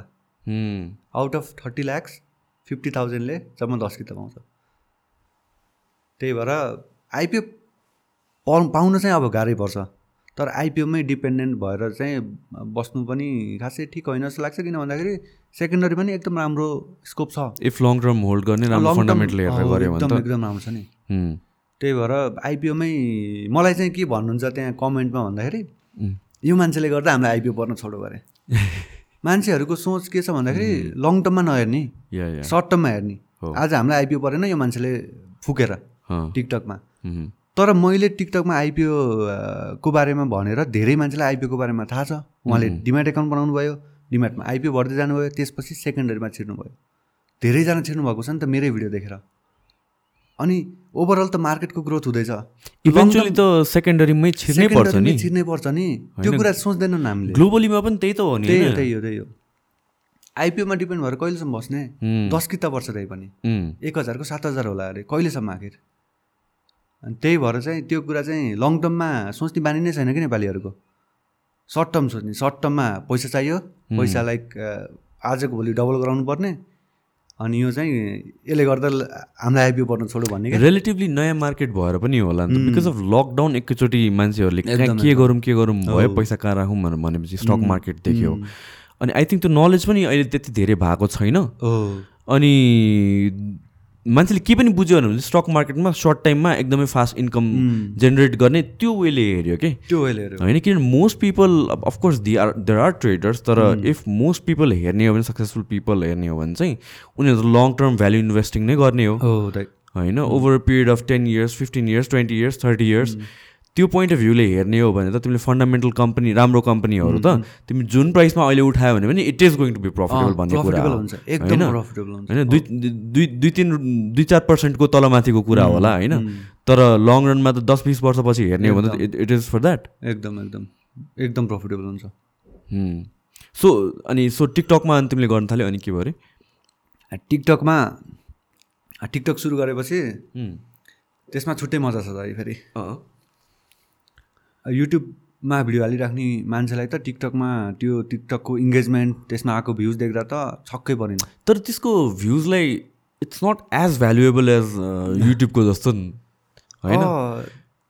भ्यालुएबल त रिच चाहिँ फेरि दामी नयाँ अडियन्सहरूतिर चाहिँ पुऱ्याइदिन्छ डिस्कभरेबिलिटी चाहिँ। ब्रान्डिङको लागि त? एकदम बेस्ट टिकटक त ब्रान्डिङको लागि एकदम बेस्ट छ। तर ओभरअल हेर्ने हो भने टिकटक एउटा राम्रो प्लेटफर्म एकदम यदि राम्रोसँग युज गर्यो। एक्ज्याक्ट डिपेन्ड्स अन तर चाहिँ टिकटकलाई धेरैले चाहिँ मैले देखेअनुसार राम्रोसँग युज गर्नै जानेको छैनन् कि? अफकोर्स त्यही त हो नि। टिकटकलाई एकदम राम्रो सोर्स अफ इन्कमको रूपमा नि लिन सकिन्छ। So not by going live है। लाइभको बाहेक कुरा म गर्दिनँ किन भन्दाखेरि त्यो त्यो त्यो अलि डिफ्रेन्ट कुरा छ। त्यो कुरा नगरौँ आज, होइन? हामीले धेरै कन्टेन्ट क्रिएटरले चाहिँ टिकटक किन चलाउनुहुन्छ भन्दाखेरि फेम फेमको लागि। भिडियो भाइरल गराउनेमा बढी फोकस हुन्छ। के गर्दा भिडियो भाइरल हुन्छ? त्यसमा बढी फोकस हुन्छ। अनि त्यसले गर्दा चाहिँ तपाईँको भिडियो भाइरल त भयो। ठिक छ वान मिलियन सब्सक्राइबर भयो फलोवर भयो। भ्युज पनि राम्रै आउनु थाल्यो भाइरल हुनु थाल्यो मान्छेहरूले चिन्न थाले। एक वर्ष भयो कन्टेन्ट क्रिएट गर्न थालेको। मेहनत लाग्छ नि टिकटक बनाउनु पनि। त्यसपछि के त? यदि उसले टिकटकलाई इन्टरटेनमेन्ट पर्पजको लागि हेर्छ भने ठिकै छ दिनको दुई घन्टा स्पेन्ड गरेछ रमाइलो भइरहेछ अडियन्सहरू पनि इङ्गेज भइरहेको छन् सबैले चिनिरहेको छन् फेम आइरहेको छ। तर त्यसपछि के त? त्यो चाहिँ हामीले नसोच्ने। टिकटकलाई एकदम राम्रोसँग मोनिटाइज गर्न सकिन्छ। कसरी के गर्न सकिन्छ? स्पोन्सरसिप कुराहरू ब्रान्डको प्रमोसनहरूको कुरालाई लिएर एकदम राम्रो प्लेटफर्म छ। किन भन्दाखेरि सिम्पल भिडियोहरूमा पनि हन्ड्रेड के टू हन्ड्रेड के भ्युज आउँछ। ब्रान्डहरूलाई चाहिने भनेको त्यही त हुँ। ब्रान्डिङको लागि। त्यो कुराहरूमा चाहिँ एकदम कम मान्छे देखिएँ मैले टिकटकमा त्यो त्यो छैन कि त्यो अब ब्रान्डलाई एट्र्याक्ट गर्नको लागि त्यही अनुसारको कन्टेन्ट हुनु पऱ्यो फेरि। ब्रान्डलाई अप्रोच गर्ने कसरी नि त? व- ब्रान्डले तपाईँलाई डिस्कभर गर्छ कि तपाईँले ब्रान्डलाई अप्रोच गर्ने हो? त्यो बोथ वाइजबाट हुन्छ। अब मोस्टली त ब्रान्डले नै एप्रोच गर्छ। नत्र यदि ब्रान्ड्सले ब्रान्डले एप्रोच गरेको छैन तर आफ्नो एउटा अडियन्स बेस राम्रो छ इङ्गेजमेन्ट राम्रो छ भने आफैले ब्रान्डलाई एप्रो एप्रोच गर्न सकिन्छ। त्यसमा पनि त्यो त्यो बारेमा पनि धेरैलाई थाहा नहुन सक्छ। एप्रोच गर्नुपर्छ। आफू आफ्नो कन्टेन्टसँग रिलेटेबल हुने ब्रान्डहरू छ भने इमेल गरिदिने। के भिडियो र? एउटा राम्रो प्रपोजल जस्तो बनाउने यस्तो यस्तो हो मेरो यो युजर बेसहरू छ मेरो भिडियोहरूमा यति एभरेज भ्युज आउँछ यति फलोवर छ। अनि मैले तपाईँको ब्रान्ड अथवा तपाईँको प्रोडक्टलाई यसरी प्रमोट गर्न सक्छु मेरो टिकटकको माध्यमबाट भन्यो भने राम्रोसँग इमेल पठाउनु भने रिप्लाई आउँछ दाइ। आई थिङ्क अहिलेको बिगर ब्रान्ड्सहरूले पनि देखिरहेको छ। टिकटकलाई एउटा लेजिट प्लेटफर्म जस्तो लिन्छ नि त। पहिला त अब कस्तो थियो भनेपछि टिकटकमा सँग एसोसिएट हुने कि नहुने भन्ने थियो नि त। बिकज कन्टेन्ट नै त्यस्तै मात्र थियो। अब अहिले पनि नभएको चाहिँ होइन कि तर जे कुरामा पनि when there are lot of people doing the same thing त्यो कम्पिटिसनले गरेर नै क्रिम अफ द क्रिम टपमा आउँछ नि त। सो आई थिङ्क टिकटकमा त्यो चाहिँ अहिले भइरहेको छ कि वेयर जसले पनि टिकटक बनाउन सक्छ जसले पनि बनाएको छ। बनाएको छ। तर टपमा को आएर चाहिँ लङ टाइमसम्म भन्नु भने जसले चाहिँ एउटा भ्याल्यु एड गरेर आएको छ भनौँ न पिपललाई bit entertainment or information information मात्रै हुनु पनि जरुरी छैन इन्टरटेनमेन्ट नै भए पनि। तर it needs to add value to people life त्यही त यस्तो हुनु पऱ्यो कि त इन्फर्मेटिभ हुनु पऱ्यो अँ। मेरो केसमा हेर्ने भने इन्फर्मेटिभ हुन्छ। इन्टरटेनमेन्ट त नो वे इन्टरटेनमेन्टको कुरा आउँदैन मेरो कन्टेन्ट हेर्दा। कसैको डान्सहरू हुन्छ सिङहरू हुन्छ त्यो इन्टरटेनमेन्ट साइड आयो। फन्नी क्लिपहरू हुन्छ। अब त्यो दुइटामा चाहिँ आफू अडिक हुनु पऱ्यो कि त इन्फर्मेटिभ साइड जानु पऱ्यो कि त इन् इन्टरटेनमेन्ट साइड जानु पऱ्यो अथवा त्यसलाई मिक्स पनि गर्न सक्यो। तर त्यो बाहेकको कन्टेन्ट क्रिएट गर्ने फेरि धेरै छन् नेपालमा। हो। अनि उनीहरूको प्लान के त? फेमको लागि हो टाइम पासको लागि भने त ठिक छ एकदम राम्रो प्लेटफर्म। तर मेहनत लागेछ भने त्यसबाट आफूलाई अलिकति रिटर्न मिले हुन्थ्यो भनेर पनि सोच्नुपर्छ। Most people I don't think रिटर्नको बारेमा भने सोच्दैन। रिटर्न भने नै फेम मात्र हो for lot of people who get into TikTok specially त्यो नेपाल त्यो चाहिँ अलिकति गलत थिङ्किङ हो जस्तो लाग्छ। अब अब उहाँहरूलाई यसरी बताइदिने मान्छे नभएर पनि होला। अब यस्तो पनि गर्न सकिन्छ है। आफ्नो कन्टेन्टहरूलाई अलिकति इम्प्रुभ गरेर अलिकति लेजिट कन्टेन्ट हालेर अगाडि बढ्यो भने यस्तो यस्तो अपर्च्युनिटीहरू पनि आउनसक्छ। टिकटकमा हेर्नु न हाम्रो अमर अमृतलाई चिन्नुहुन्छ? ट्विन ब्रदर उहाँहरूलाई कन्टेन्ट एकदम क्लिन छ। हाम्रो ट्विनी प्रिन्सी उहाँ दुई दुईजनाको चाहिँ कन्टेन्ट एकदम क्लिन छ। डान्स हुन्छ मोस्टली कन्टेन्ट एकदम क्लिन छ। क्लिन कन्टेन्ट भन्छु म उहाँको लागि डान्स भयो भने है। अपर्च्युनिटी हेर्नु कति छ। ब्रान्ड प्रमोसनको कमी नै छैन। मैले हेरिरहेको हुन्छु। यसो अब्जर्भ चाहिँ मैले एकदम गर्छु। ब्रान्डहरू कता एट्र्याक्ट भइरहेछ त किन एट्र्याक्ट भइरहेछ त भनेर मैले यसो अब्जर्भ गरेर हुन्छु। त्यतातिर एट्र्याक्ट भइरहेछ तर त्यही लेभलको फलोवर भएको त्यही लेभलको इङ्गेजमेन्ट आउने त्यही लेभलको भ्युज आउने अरू कन्टेन्ट क्रिएटरतिर ब्रान्ड एट्र्याक्ट भएको छैन धेरै केसमा। किन बसेन त? ब्रान्डले आफूलाई एसोसिएट नै एसोसिएट नै गर्न चाहँदैन। किन भन्दाखेरि उसको कन्टेन्टमा कि त अलिकति भल्गारिटी हुनसक्यो पोजिटिभ लाइक भल्गारिटी नै भनौँ। कि त अलिकति कस्तो भन्ने अब अलिकति ब्रान्ड एसोसिएट हुन नखोज्ने खालको कन्टेन्ट। भइसकेपछि चाहे त्यसमा त्यो त्यो कन्टेन्ट क्रिएटरको मिलियनमा भ्युज आओस् कि मिलियनमा फलोवर होस् ब्रान्ड जोडिँदैन। त्यो कुरा चाहिँ ख्याल गर्नुपर्छ त्यही भएर यदि आफ्नो टाइम इन्भेस्ट गरिरहेको छ मिहिनेत गरिरहेको छ भने। केही रिटर्न आयो भने त बेटर हुन्छ नि त एउटा सिरियस। प्रपर बिजनेस जस्तै लजिट वेमा सोच्नु पऱ्यो। प्लान गर्नु। पऱ्यो। अब अहिले चाहिँ ट्रेन्ड आएको भनेको लाइफ जाने हो होइन। बिकज मान्छेहरूले त्यो मात्र एउटा सोर्स अफ इन्कम देखिरहेको छ। अब गर्नलाई इट इज गुड होइन? दिनेले दिइरहेछ लिने लिइरहेछ पर्फेक्ट होइन? दिनले पनि किन दिइरहेछ भने because they are entertainment entertained they they want to आफ्नो मनबाट होइन? लिनले अफकोर्स लिने हाल्छ। तर त्यो भन्दा पनि बाहेक अरू चिजहरू छ कि? होइन? फर इक्जाम्पल तिमीले नै भने जस्तो ब्रान्ड एसोसिएसनहरू नाउ सो अब ब्रान्ड्सहरू पनि टिकटकमा छिर्न खोजिरहेको छ अहिले रियलाइज गरिरहेको छ कि लाइक यो छुटेर जानु हुँदैन त्यो सिप is selling. So one way is to get associated with creators अर्को भन्नु भनेको ब्रान्ड्सले नै आफै पनि क्रिएट गरेर आएको छ। तर कतिवटा कन्टेन्ट इट्स भेरी क्रिन्स कि ब्रान्डले आफूलाई प्लेस नै गर्न सकेको छैन जस्तो लाग्छ कि। It's doing more harm than good जस्तो लाग्छ कतिवटा कन्टेन्टहरू त्यस्तो गरेछ what would be. Like a better approach के ब्रान्डहरूको लागि ब्रान्डहरूको लागि कम्पनीजहरूको लागि किन यो त डिस्कभर हुने त एकदम खतरा प्लेटफर्म हो नि त नयाँ पिपलहरू युट्युबमा त यसरी डिस्कभर हुँदै हुँदैन कि हुँदैन युट्युबमा चाहिँ इभेन्चुली यु रोल इन्टु यो सब्सक्राइबर सब्सक्राइबर सब्सक्राइबर्सहरू होइन रिटर्निङ पिपलहरूलाई मेन प्रायोरिटी छ नि त होइन सम वेमा चाहिँ तर टिकटक जुन वेमा नयाँ क्राउडलाई रिच आउट गरिदिन्छ नि त। द्याट इज अमेजिङ एकदम। त्यही त युट्युब युट्युबको पनि सिनेरियो हेर्ने भने त लङ टर्ममा कुनै पनि अडियन्सलाई इङ्गेज गरिराख्न सक्यो भने एउटा लङ टर्म छ क्या युट्युब तपाईँले आज बनाएको कन्टेन्ट तपाईँको दुई वर्षपछि पनि त्यसमा भ्युज आइरहेको हुन्छ सर्चबाट त्यसमा रेभेन्यू पनि आइरहेको हुन्छ त्यस्तो छ। तर टिकटकमा अब मैले एक वर्ष अगाडि बनाएको भिडियोमा अहिले केही पनि छैन। हल्लीचल्ली नै छैन। आज हालेको भिडियोमा हल्लीचल्ली छ तर एक वर्ष भन् अगाडिको भिडियोमा हल्लीचल्ली नै छैन। मेरो त्यो भिडियो भने नि टिकटक सरी युट्युबको फर्स्ट भिडियो। त्यसमा अहिले पनि भ्युज आउँछ। अहिलेको रिसेन्ट भिडियोभन्दा त्यसमा बढी भ्युज अहिले पनि आउँछ। त्यसमा त्यसबाट रेभेन्यू अहिले पनि जेनेरेट गरिरहेको छ। सो लङ टर्ममा त टिकटक पनि बेटर छ। ब्रान्ड्स कसरी अप्रोच गर्ने त टिकटकको थिङलाई? टिकटकको लागि ब्रान्ड एप्रोच गर्न त ब्रान्डले चाहिँ के गर्ने भन्नु खोजेँ मैले? हामी कसरी ब्रान्डले कसरी कसरी क्यापिटलाइज गर्ने कि यसमा? ब्रान्डले यस्तो गर्न सकिन्छ। ब्रान्डले अब आफ्नै टिकटक एकाउन्ट क्रिएट गरेर पनि धेरै ब्रान्ड आएको छन् तर तिनीहरूले तिनीहरूले अलिकति नजानेर हो कि मिस्टेक गरिरहेको छन् बढी। होइन अलिकति आफूलाई प्रेजेन्ट गर्ने वे हुन्छ नि अलिकति इमेज नै बिगाडिरहेको छ इमेज। बिगाइरहेको छन् बेला त। अब त्यो कुरा त नगर तर इमेज बिगाइरहेको छन्। त्यस्तो गऱ्यो भने त के काम लाग्यो त? ब्रान्डिङको लागि आउने अनि ब्रान्ड इमेज नै बिगारेर त भएन। त्यस्तो इमेज बनाउन सकेन भने बरु आफ्नो फिल्डको कन्टेन्ट क्रिएटरलाई चान्स दिने उनीहरूको थ्रु प्रमोट गराउने। हुँ, अहिले त कस्तो ठुल्ठुलो ब्रान्डहरू पनि टिकटकमै बढी एट्र्याक्ट भएको देखेँ मैले। ठुल्ठुलो ब्रान्डहरू त्यही भएर राम्रो राम्रो छ एकदम राम्रो प्लेटफर्म छ। आई थिङ्क के भन्छ छुट्टै टिम बनाउनु पऱ्यो आफ्नो well thought out plan execute गर्नु पऱ्यो होइन? त्यो हावामा एकदमै एज अ फ्लुक बनाए हेरौँ न त एउटा जस्ट कुनै सङ एउटा भाइरल भयो भने गरिदिइहाल्यो हालौँ सबजना इम्प्लोइलाई जबरजस्ती एक्ट गराइदिइहालौँ भने त्यो अप्रोच चाहिँ हुनु भएन। जबरजस्ती। लङ रन एउटा प्लान हुनु पर्छ just like any other platform पनि होइन? त्यसलाई पनि टिकटकलाई पनि सिरियसली लिनु पऱ्यो नट जस्ट ट्रेन्ड कसरी ट्रेन्डको वेभ कसरी क्याच गर्ने त्यो हिसाबले पोइन्ट अफ भ्यूले मात्र हेरेर चाहिँ भएन। अँ त्यही त। अहिले तपाईँले उस देख्नु भएको छ कि अप ट्रेन्डलीको बारेमा। अँ। इन्फ्लुएन्सर म्यानेजमेन्ट कम्पनी है? अँ। इन्फ्लुएन्सर मार्केटिङ सायद।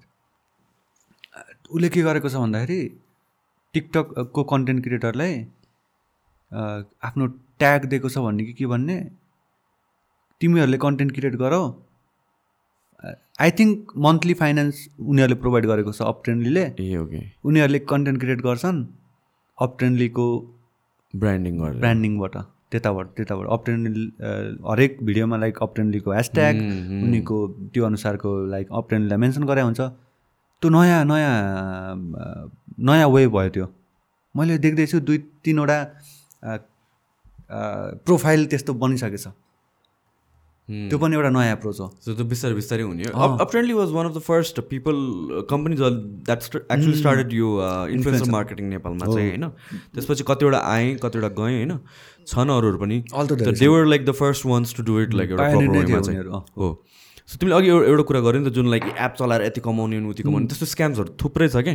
आई हर्ड अबाउट यो पिरामिड स्क्याम स्किम्सहरू एन्ड अल द्याट थिङहरू हजुर हजुर। सुन्दाखेरि चाहिँ इट साउन्ड्स बिलिभेबल जस्तो लाग्छ होइन? जुन हिसाबले चाहिँ अब इट एउटा ट्रेनिङ नै हुन्छ होला आई वुड अजिम उनीहरूको।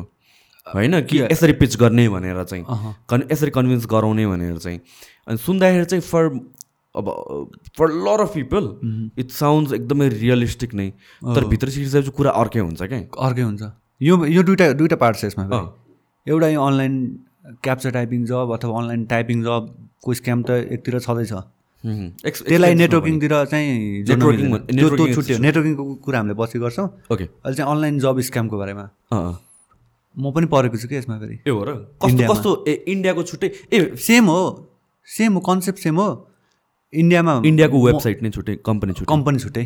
रजिस्टर्ड कम्पनी हुन्छ नेपालमा म एकछिन अघि नै कुरा गरिहालेँ। नेपालमा फ्रिल्यान्सर्सको लागि कुनै त्यस्तो प्लेटफर्म छ कि छैन अहिलेसम्म?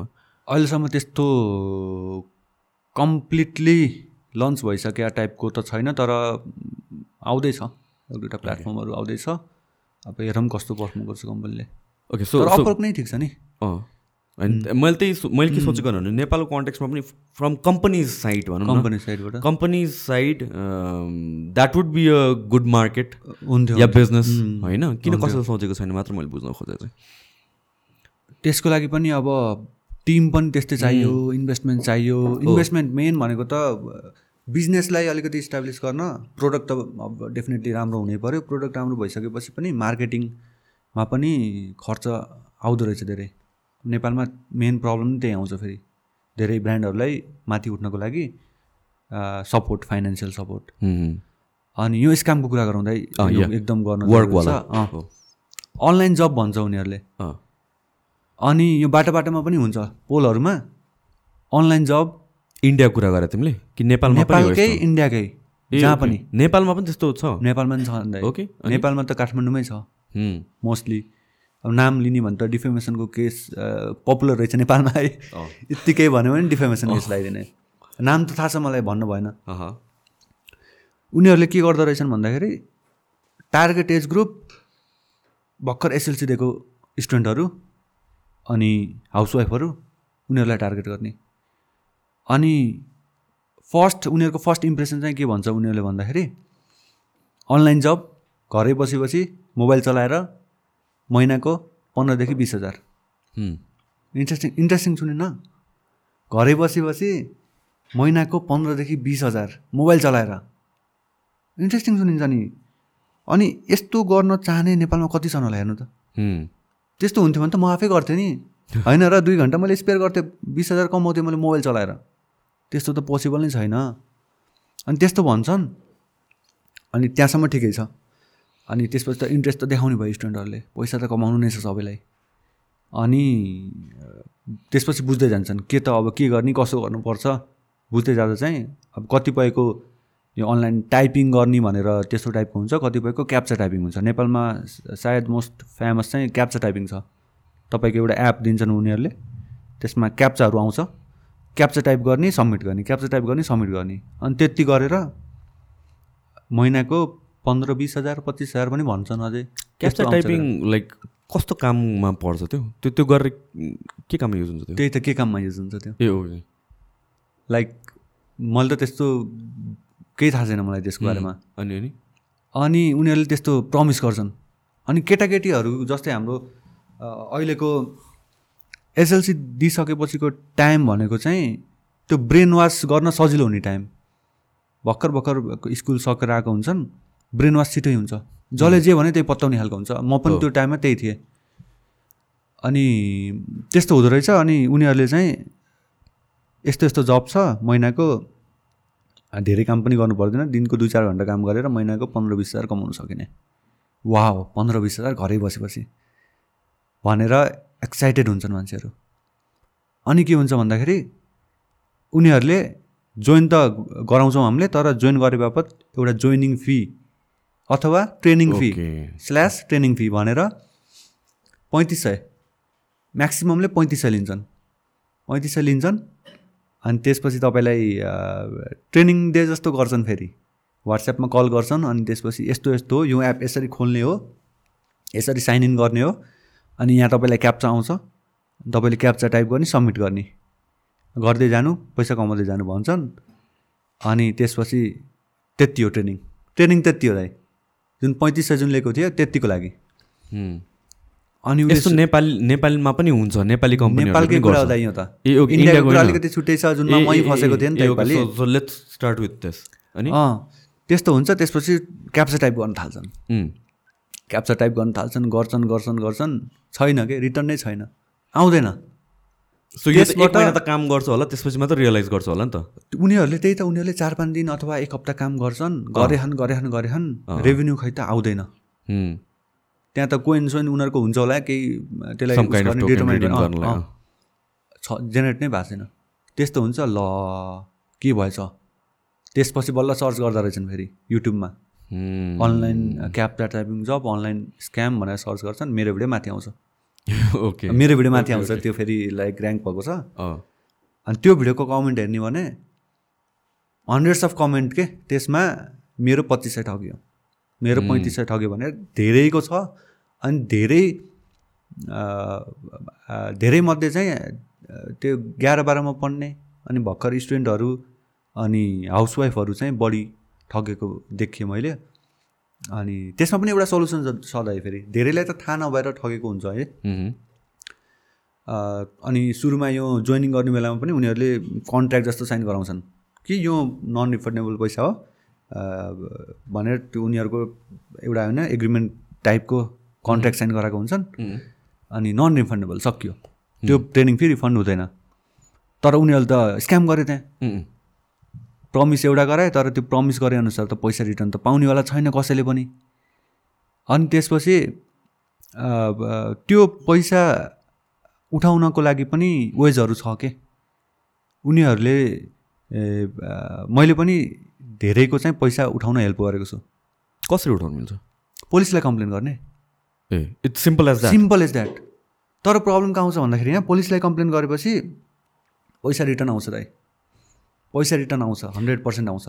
एक्सन चाहिँ लिँदैन त अनि उनीहरूको अगेन्स्ट उनीहरूको कन्ट्र्याक्टमै अब त्यस्तै अब मेन्सन के के मेन्सन गरे हुन्छ कि लाइक लिगल वेमा गरिरहेछ उसले पैसा कमाउनु सकेन किन भन्दाखेरि उसले कामै गर्न सकेन।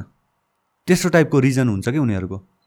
यदि उसले राम्रोसँग काम गर्थ्यो भने उसले पैसा कमाउँथ्यो उसले आफैले गर्न सकेन त्यही भएर कमाउनु सकेन भन्ने खालको उनीहरूको त्यस्तो कुराहरू आउँछ।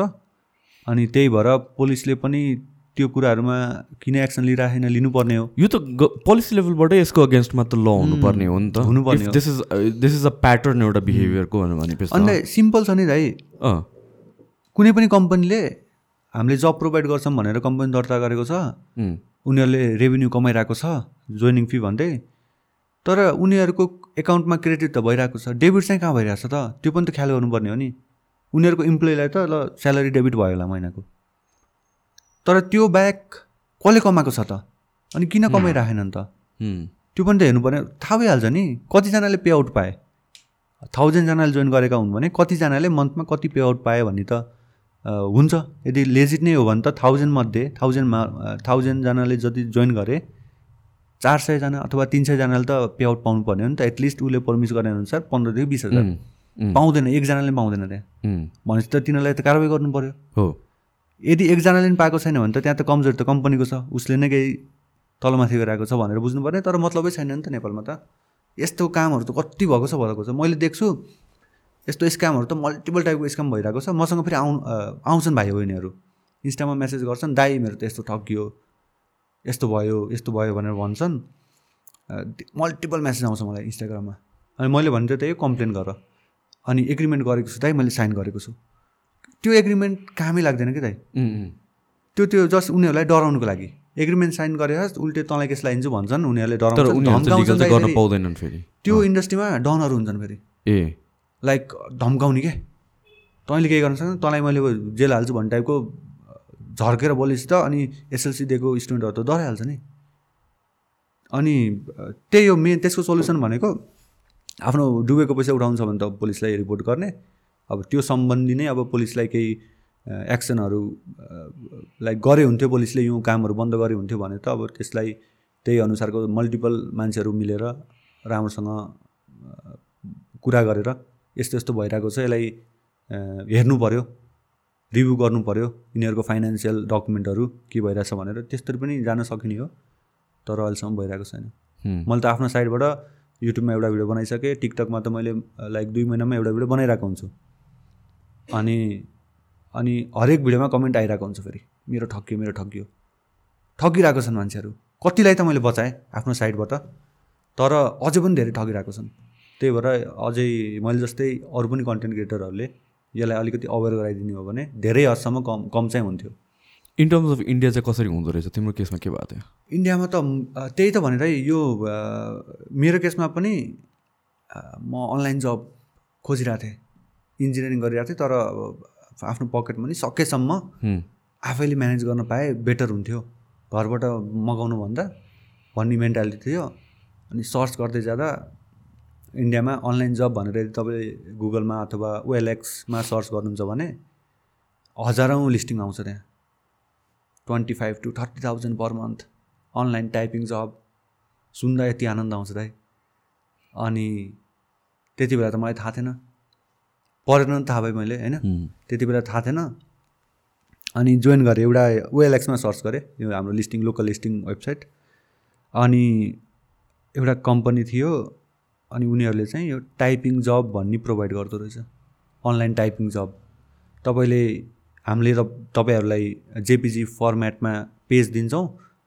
त्यसलाई टाइप गरेर माइक्रोसफ्ट ओडमा अथवा नोटप्याडमा टाइप गर्नु पऱ्यो भनेर त्यो त्यो हिसाबले टास्क दिन्छन् उनीहरूले। अनि पर पेजको चाहिँ तपाईँको सिक्सटी रुपिसदेखि सेभेन्टी रुपिस आइएनआर। मैले गरेकोमा चाहिँ। त्यति बेला त म सानै थिएँ। त्यति हाम्रो त्यति बेलामा त चाहिँ अहिलेको जस्तो अवेरनेस पनि केही पनि थिएन नि त। अहिले बरु अलिकति सोसियल मिडियाहरूतिर अनि ग्रो भइरहेछ धेरैलाई धेरै कुराहरूको बारेमा थाहा छ। त्यति बेला केही पनि थाहा थिएन।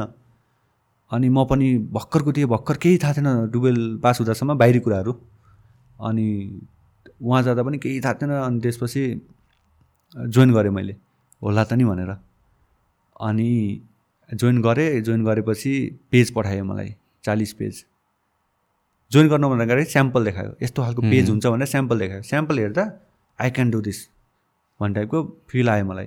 किन भन्दाखेरि सिम्पल इङ्ग्लिसमा बुझिने डकुमेन्ट थियो। यो त म गर्छु। टाइपिङ पनि फास्ट छ। म गर्छु भनेर मैले यसो दिमागमा क्यालकुलेट गरेँ। फास्ट टाइपिङ छ गर्न सक्छु। महिनाको त चालिस पचास हजार त मैले कमाउँछु होला भनेर त्यो एक्साइटमेन्टका साथ म अगाडि बढेँ। चालिस पेज टाइप गरेँ दाइ। अनि प्रब्लम कहाँ आयो भन्दाखेरि तपाईँको जुन स्याम्पल डकुमेन्ट देखाएको हुन्छ नि त्यो डकुमेन्ट भर्सेस पछि दिने रियल डकुमेन्टमा चाहिँ आकाश जमिनको फरक। के लेख्यायो के लेख्यायो बुझ्दै बुझिनँ सेन्टेन्स पनि बुझिन्न क्यारेक्टर पनि बुझिन्न कमा हो कि डट हो त्यो पनि बुझिन्न केही पनि बुझिन्न। अनि एउटा यिनीहरूको टर्म के हुन्छ भन्दाखेरि कुनै पनि डकुमेन्ट यदि वान पेजमा उनीहरूले नाइन्टी फाइभ पर्सेन्ट एकुरेसी चाहिन्छ उनीहरूलाई। नाइन्टी फाइभ पर्सेन्ट एकुरेसी छैन भने क्यान्सल त्यो फोर्टी पेजेसको जुन प्रोजेक्ट हुन्छ त्यो क्यान्सल। फेरि सुरुबाट गर्नु पऱ्यो अनि त्यस्तो दियो उनीहरूले। अनि मैले त होइन यस्तै होला भनेर। त्यति बेला मैले अझै थाहा भएन मलाई उनीहरूले यस्तो यस्तरी स्क्याम गर्दो रहेछन् भने मैले अझै मेसो पाइसकेको थिएन। अनि टाइप गरेँ चालिस पेज। धेरै टाइम लाग्यो दाइ बुझ्दै बुझिन्न। अनि टाइप गरेँ चालिस पेज कम्प्लिट गरेँ सेन्ड गरेँ उनीहरूलाई। सेन्ड गरिसकेपछि उनीहरूले रिपोर्ट पठाएँ। एउटै पेजमा एकुरेसी नै मिलेन। एकुरेसी त एकदम लो भयो कि? त्य- त्यसमा accurate ninety five percent accuracy गर्न चाहिँ इम्पोसिबल छ।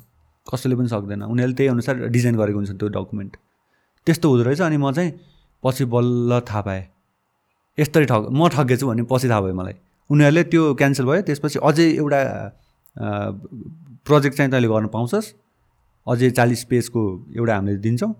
त्यसमा पनि एकुरेसी मेन्टेन भएन भने चाहिँ त आउट वाइस टाइपको कुरा हुन्छ। दुई चान्स पाउँछ। त्योभन्दा भएन भने फेरि त्यो जुन जोइनिङ फी हुन्छ एघार सय आइसी मैले तिरेको थिएँ त्यो फेरि तिरेर फेरि सुरु गर्नु ओके सो त्यसमा पनि जोइनिङ फी नै हो उनीहरूको। एडभान्टेज एघार सय।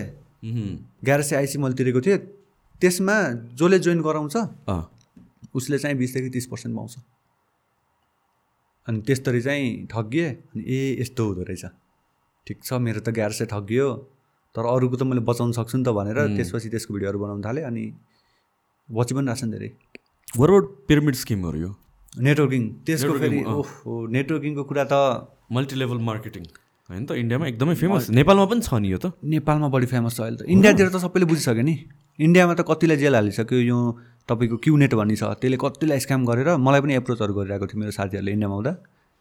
कतिलाई फ्रड केस भएर जेल हालिरहेको छ अब त्यही भएर आजकल इन्डियामा धेरै अवेर भइसके। अब इन्डियामा त मान्छे अवेर भइसके। अब कहाँ जाने? कम्पनीलाई त गाह्रो भयो। त्यसपछि नेपाल झर्ने। नेपाल झर्ने श्रीलङ्का बङ्गलादेश यस्तो यस्तो कन्ट्रीहरूमा जाने भनेर नेपालमा पनि फैला फैलेको छ अहिले एकदम। अनि मेन कम्पनीमा चाहिँ नामै तोकिदिउँ भेस्टिज। होइन नेपालमा भेस्टिज भनेर दर्ता भएको भए त मैले नाम तोक्थिनँ होला किन भन्दाखेरि डिफेमेसन केस फेरि। तर अर्कै नामले दर्ता भयो so I can call Vestige है कम्पनी चाहिँ त्यही हो नाम डिफ्रेन्ट छ। त्यो नाम चाहिँ मैले तोक्न मिल्दैन डर छ। भेस्टिज एउटा छ त्यसपछि मेन मेन भनेको चाहिँ भेस्टिज नै हो। Target audience SLC pass out plus टूमा पढ्दै गरेको हाउसवाइफ टार्गेट अडियन्स उनीहरूको। टार्गेट अडियन्स भनेको टार्गेट कस्टमर अनि अर्को छ क्युनेट। त्यो त अलग लेभलको स्क्याम छ त्यो फेरि। भेस्टिजमा आउँछ चार पाँच हजारको कुरा आउँछ क्युनेटमा चार पाँच लाखको कुरा आउँछ। चार पाँच लाख स्क्याम हुन्छ त्यसमा। के के गर्छु यो दुइटामा? भेस्टिजले त बरु प्रोडक्ट बेच्छौँ भनेर सानोतिनो लाइक भेस्टिजको टार्गेट अडियन्स टार्गेट कस्टमर नै स्टुडेन्टहरू छ। स्टुडेन्टहरूलाई त पाँच लाख भन्यो भने त कहाँबाट दिन्छन् र? त्यही भएर त्यही अनुसारको स्किम प्रेजेन्ट गर्नु पऱ्यो नि त। त्यो उनीहरूको स्किम अनुसार कसैले भेस्टिज जोइन गर्नुपर्छ अथवा मार्केटिङ सुरु गर्नुपर्छ भने सर्टेन प्रोडक्ट किन्नुपर्छ। त्यो प्रोडक्ट किन्नलाई चाहिँ five to six thousand initial cost लाग्छ। तर क्युनेटको केसमा चाहिँ इनिसियल इन्भेस्टमेन्टमै तपाईँलाई तिनदेखि चार लाखको इन्भेस्टमेन्ट लाग्छ। अनि उनीहरूको टार्गेट कस्टमर भनेको चाहिँ जब होल्डर। कुनै पनि कम्पनीमा हामीले जब गर्दैछौँ भने आफ्नै कलिग आएर भन्छ त जबबाट खुसी छस् नि। कति कमाइ भइरह यहीँ हो त यत्तिकै गरेर जिन्दगी बित्छ त। मैले त म त देश विदेश घुमिसकेँ मैले त आफ्नै बाइक किनिसकेँ। है? त्यो साँच्चैको भएको हुन्छ कि उनीहरूले गफ हो? उनीहरूलाई रियलाइज नभएको हो कि उनीहरूलाई रियलाइज भएर देनो देयर चुना लगाइरहेछ आफ्नो आफूलाई चुना लायो आफ्नो। पैसा उठाउनु अरूलाई चुना लाउनु पर्छ। अरूलाई चुना लाउनु सकेन भने आफ्नो डुब्यो नि त। त्यस्तो छ। अनि आफ्नो पैसा उठाउनु छ भने अरूलाई चुना लगा। गरेर त्यो त्यो ब्रान्च बिल हुँदै जान्छ नेटवर्क बिल हुँदै जान्छ त्यस्तै ठगिरहेको छ। कसैले पनि कमाउँदैन। कम्पनीले कमाउँछ। यस्तै हो। मान्छेहरूले कमाउँदैन अलिकति कमाउँछ नि दाइ। त्यही त त्यही प्रब्लम कसरी कमाउँछ भन्ने कुरा मैले। किनभने कतिजनासँग बुझेको छु होइन। There are some people who swear by it अनि त्यसपछि होइन कमाएकै हो भनेर भन्छ कि। उम्, तर सेलेक्टेड पिपललाई मात्र हो कि कि के हो? हाउ डज द्याट वर्क यस्तो छ नेटवर्क मार्केटिङमा दे डोन्ट नो के? उनीहरूलाई पनि थाहा छैन कि यो स्क्याम हो भनेर। दे एक्चुली बिलिभ द्याट यो यस्तै नै वर्क हो भनेर। त्यो चाहिँ उनीहरूको जुन माथिल्लो अप अपलाइन भन्छ क्या अरे उनीहरूले यस्तरी प्रेजेन्ट गरेको हुन्छ कि त्यो स्किम? उनीहरूको दिमाग नै भुट भुटिसकेको हुन्छ। दिमाग भुटेको हुन्छ। तर पैसा कमाउँछ त फेरि कमाउनुले त। कसरी कमाउँछ भन्नु न फेरि। कसरी कमाउँछ? चुना लगाएर अरूलाई। मैले तपाईँलाई जोइन गराएँ भने त्यसको सर्टेन पर्सेन्टेज मलाई आउँछ। जोइनिङ फीको सर्टेन पर्सेन्टेज बिस पच्चिस मलाई आउँछ। त्यसपछि तपाईँले जतिलाई चुना लगाउँदै जानुहुन्छ नि त्यसको पनि सर्टेन पर्सेन्टेज मलाई आउँछ। प्रडक्ट बेचेर चाहिँ अनि त्यसको कमिसनहरू आउँदैन? यस्तो छ प्रोडक्ट बेचेर एकदम मिनिमल कमिसन आउँछ। भेस्टिजकै कुरा गरौँ? प्रोडक्ट डाइरेक्ट सेलिङ कम्पनी भनेर नेपालमा दर्ता भएको छ। अनि मलाई मैले सुनेअनुसार नेपाल सरकारसँग जुन यो जुन डाइ डाइरेक्ट सेलिङ भनेको त पहिलेदेखि एकदम नराम्रो इमेज भएको बिजनेस हो यो नेटवर्किङ बिजनेस भन्ने। अनि त्यो त सबैलाई थाहा भएकै कुरा हो। अनि नेपालमा भेस्टिज दर्ता हुनुभन्दा अगाडि यो उनीहरूको भित्री कुराहरूमा चाहिँ नेपाल सरकारले के भनेको थियो भन्दाखेरि फिफ्टी पर्सेन्ट प्रडक्ट चाहिँ नेपाली प्रडक्ट हुनु पऱ्यो उम्, वेस्टिजको जुन बेचिरहेको छन् त्यस्तो भयो भने बल्ल न त्यो रेभेन्यू देशमै जान्छ नि त देशको प्रडक्ट हो। अहिले त इन्डियाबाट आइरहेछ प्रडक्ट। त्यो बेचेको जे गरेको सबै पैसा त बाहिर गइरहेछ क्या। भेस्टिजबाट नेपाललाई अलिकति ट्याक्स दिए पनि ओभरअल हेर्ने भने त त्यो सबै रेभेन्यू त इन्डियामा गइरहेछ त। अनि त्यो त इलिगल त ठाडै इलिगल हुनु पऱ्यो नि। अनि त्यो जुन कन्ट्र्याक्ट गर्ने भनेर भन्थ्यो एग्रिमेन्ट त्यो भएन? द गभर्मेन्ट फिफ्टी पर्सेन्ट भयो भयो। तर खै त रिभ्यू गरे खै त भेस्टिजले के बेचिरहेको त? प्रोडक्टमा फिफ्टी पर्सेन्ट नेपाली प्रोडक्ट छ कि छैन त? रिभ्यू गर्ने बढी नै छैन। त्यही त प्रब्लम छ नि नेपालमा। राष्ट्र ब्याङ्कले सूचना निकालेको निकालेछ यस्तो यस्तो छ यस्तो गर्न हुन्न भनेर। त्यसलाई मोनिटर गर्ने रिभ्यू गर्ने टिम नै बनाएको छैन। टिम बनाएपछि त्यसलाई मोनिटर गरेपछि बल्ल न थाहा हुन्छ के चलिरहेको मार्केटमा भेस्टिजमा एनआरबीले उस गरोस् त अलिकति रिभ्यू गरोस् त यहाँ कति करोडौँको यहाँ फ्रडहरू निस्किन्छ यहाँ। गर्दैन। अब किन गर्दैन भन्ने कुरा अब म्यान पावर नभएर हो कि अब त्यसमा इन्ट्रेस्ट नभएर हो कि थाहा भए भए पनि नजरअन्दाज गरे हो कि नेपालको पैसा त गइरहेछ इन्डिया लिगल वेमा गफ फेरि। इलिगल काम गरेर लिगल वेमा गफ भन्ने कि के भन्ने? अब नेपालमा ट्याक्स दिएपछि नेपाल सरकार खुसी। तर त्यो ओभरअल पैसा इन्डियामा गएको बाँकी पैसा इन्डिया गएको त्यो चाहिँ देख्दैन कि के हुन्छ असम्म लाग्छ मलाई। त्यो भेस्टिजको बारेमा चाहिँ धेरैले बुझ्न जरुरी छ। यो के हुँदो रहेछ भन्दाखेरि भेस्टिजमा कसैले जोइन गराइसकेपछि उसलाई यस्तो ट्रिट गर्छ कि दाइ उसलाई अन्टरप्रोनर जस्तो फिल गराइन्छ। एक दुई दिनमै। बिजनेसम्यान जस्तो। होइन। दुनियाँ भनेको त नेटवर्किङ नै हैछ। नेटवर्किङ बाहिर त कुनै दुनियाँ नै छैन। हामीले यहीँ गर्नुपर्छ भनेर वर्षौँसम्म मेहनत गर्छन् हेर्नु। अनि लास्टमा रिटर्न के त? केही पनि छैन कि? फेरि हजारौँ कमाउनेहरू पनि छ त। कमाउने छन् दाइ। कमाउने छन् कस्तो छन् भन्दाखेरि अलिकति माथिल्लो पोस्टमा भएकोले कमाउँछन्। नेपालको पनि नेपालमा पनि त एउटा हेड छ नि त। नाम लिन मिल्दैन अहिले। नेपालमा हेड छ दुई तिनजना छन् उनीहरूले त करोडौँ कमान् नि। तर तिनजनाले कमाएर भएन नि यहाँ त तिन हजार तिन लाखजना त खै त कमाइ छैन। त्यस्तै नेटवर्किङ भनेको त्यही नै हो माथिपट्टिले कमाउँछ अलिअलि। अनि तल जाँदै गयो छैन नि कमाउनै सकिन्न। मान्छेलाई रिक्रुट गर्नु पऱ्यो मान्छे नै सकिन्छ नि एउटा लेभलमा आइसकेपछि त। त्यही भएर यस्तो नेटवर्किङ मा मार्केटिङ यो बिजनेसहरूमा चाहिँ किन लागिरहेको छ नबुझेरै हो डेफिनेटली बुझेको मान्छे त लाग्दैन नि दाइ हजुर लाग्नु भएर म त होइन। अनि बुझेको मान्छे लाग्दै लाग्दैन नि। थाहा छ नेटवर्किङ बिजनेस भनेको भलाइ हुँदैन यसबाट। मलाई कन्भिन्स गराउनु चाहिँ थुप्रोजना आउनुभएको छ। अनि? होइन तर मलाई चाहिँ के भएको इट इज प्रिटी कन्भिन्सिङ पनि के सुन्दाखेरि पनि। नट जस्ट नेपालको कम्पनीहरू इन्टरनेसनल कम्पनीहरूको पनि त्यस्तो रहेछ नेटवर्किङ मार्केटिङहरू नेपालको मार्केटमा होइन। अनि सुन्दाखेरि इट साउन्ड्स प्रिटी कन्भिन्सिङ होइन नम्बर्स डेटाहरू हेऱ्यो भने इट इज भेरी कन्भिन्सिङ तर मलाई चाहिँ it's too good to be true जस्तो। भयो क्या मलाई चाहिँ। त्यो चाहिँ सोच्नुपर्छ धेरैले त्यो कुरा सोच्दैन। किन भन्छ वान टाइम इन्भेस्टमेन्ट मात्र हो अनि त्यसपछि चाहिँ। लाइफभर अर्न गर्दै जाने once you have this many people on your right side and this many people on your left side अनि उनीहरूले गर्न थालेपछि अल द्याट त्यो स्टफहरू छ नि त। वेयर डज दिस एन्ड भन्ने कुरा मलाई चाहिँ क्वेसन भयो कि। किनभने त्यो हुने हो भने त इट्स लाइक त्यो जस्तो राम्रो कुरा त केही हुँदैन। होल वर्ल्डले जोइन गरे हुने हुने त त्यो सब काम छोडेर त्यही मात्रै गरेर बस्यो भने त। डिडन्ट मेक सेन्स सो त्यसैले चाहिँ आई नेभर गट इन्भल्भ अँ, त्यही त। त्यहाँ एउटा मेन कुरा यहाँ हामीले के बुझ्नुपर्छ भन्दाखेरि पैसा कमाउनु सजिलो छैन। छैन नि दाइ पैसा कमाउनु सजिलो। अनि यदि कोही आएर तपाईँलाई पैसा कमाउनु सजिलो हो यो जोइन गऱ्यो भने त रातारात पैसा डबल हुन्छ अथवा यति कमाइन्छ भन्यो भने त कसरी कमाइन्छ? त्यस्तो हो भने त मान्छेहरूले मरि मरिको किन काम गर्थ्यो होला र? नेटवर्किङ जोइन गर्थे। नेटवर्किङ जोइन गरेर सक्सेसफुल भएको मान्छे देख्नुपर्छ। कोही छैन क्या सक्सेसफुल?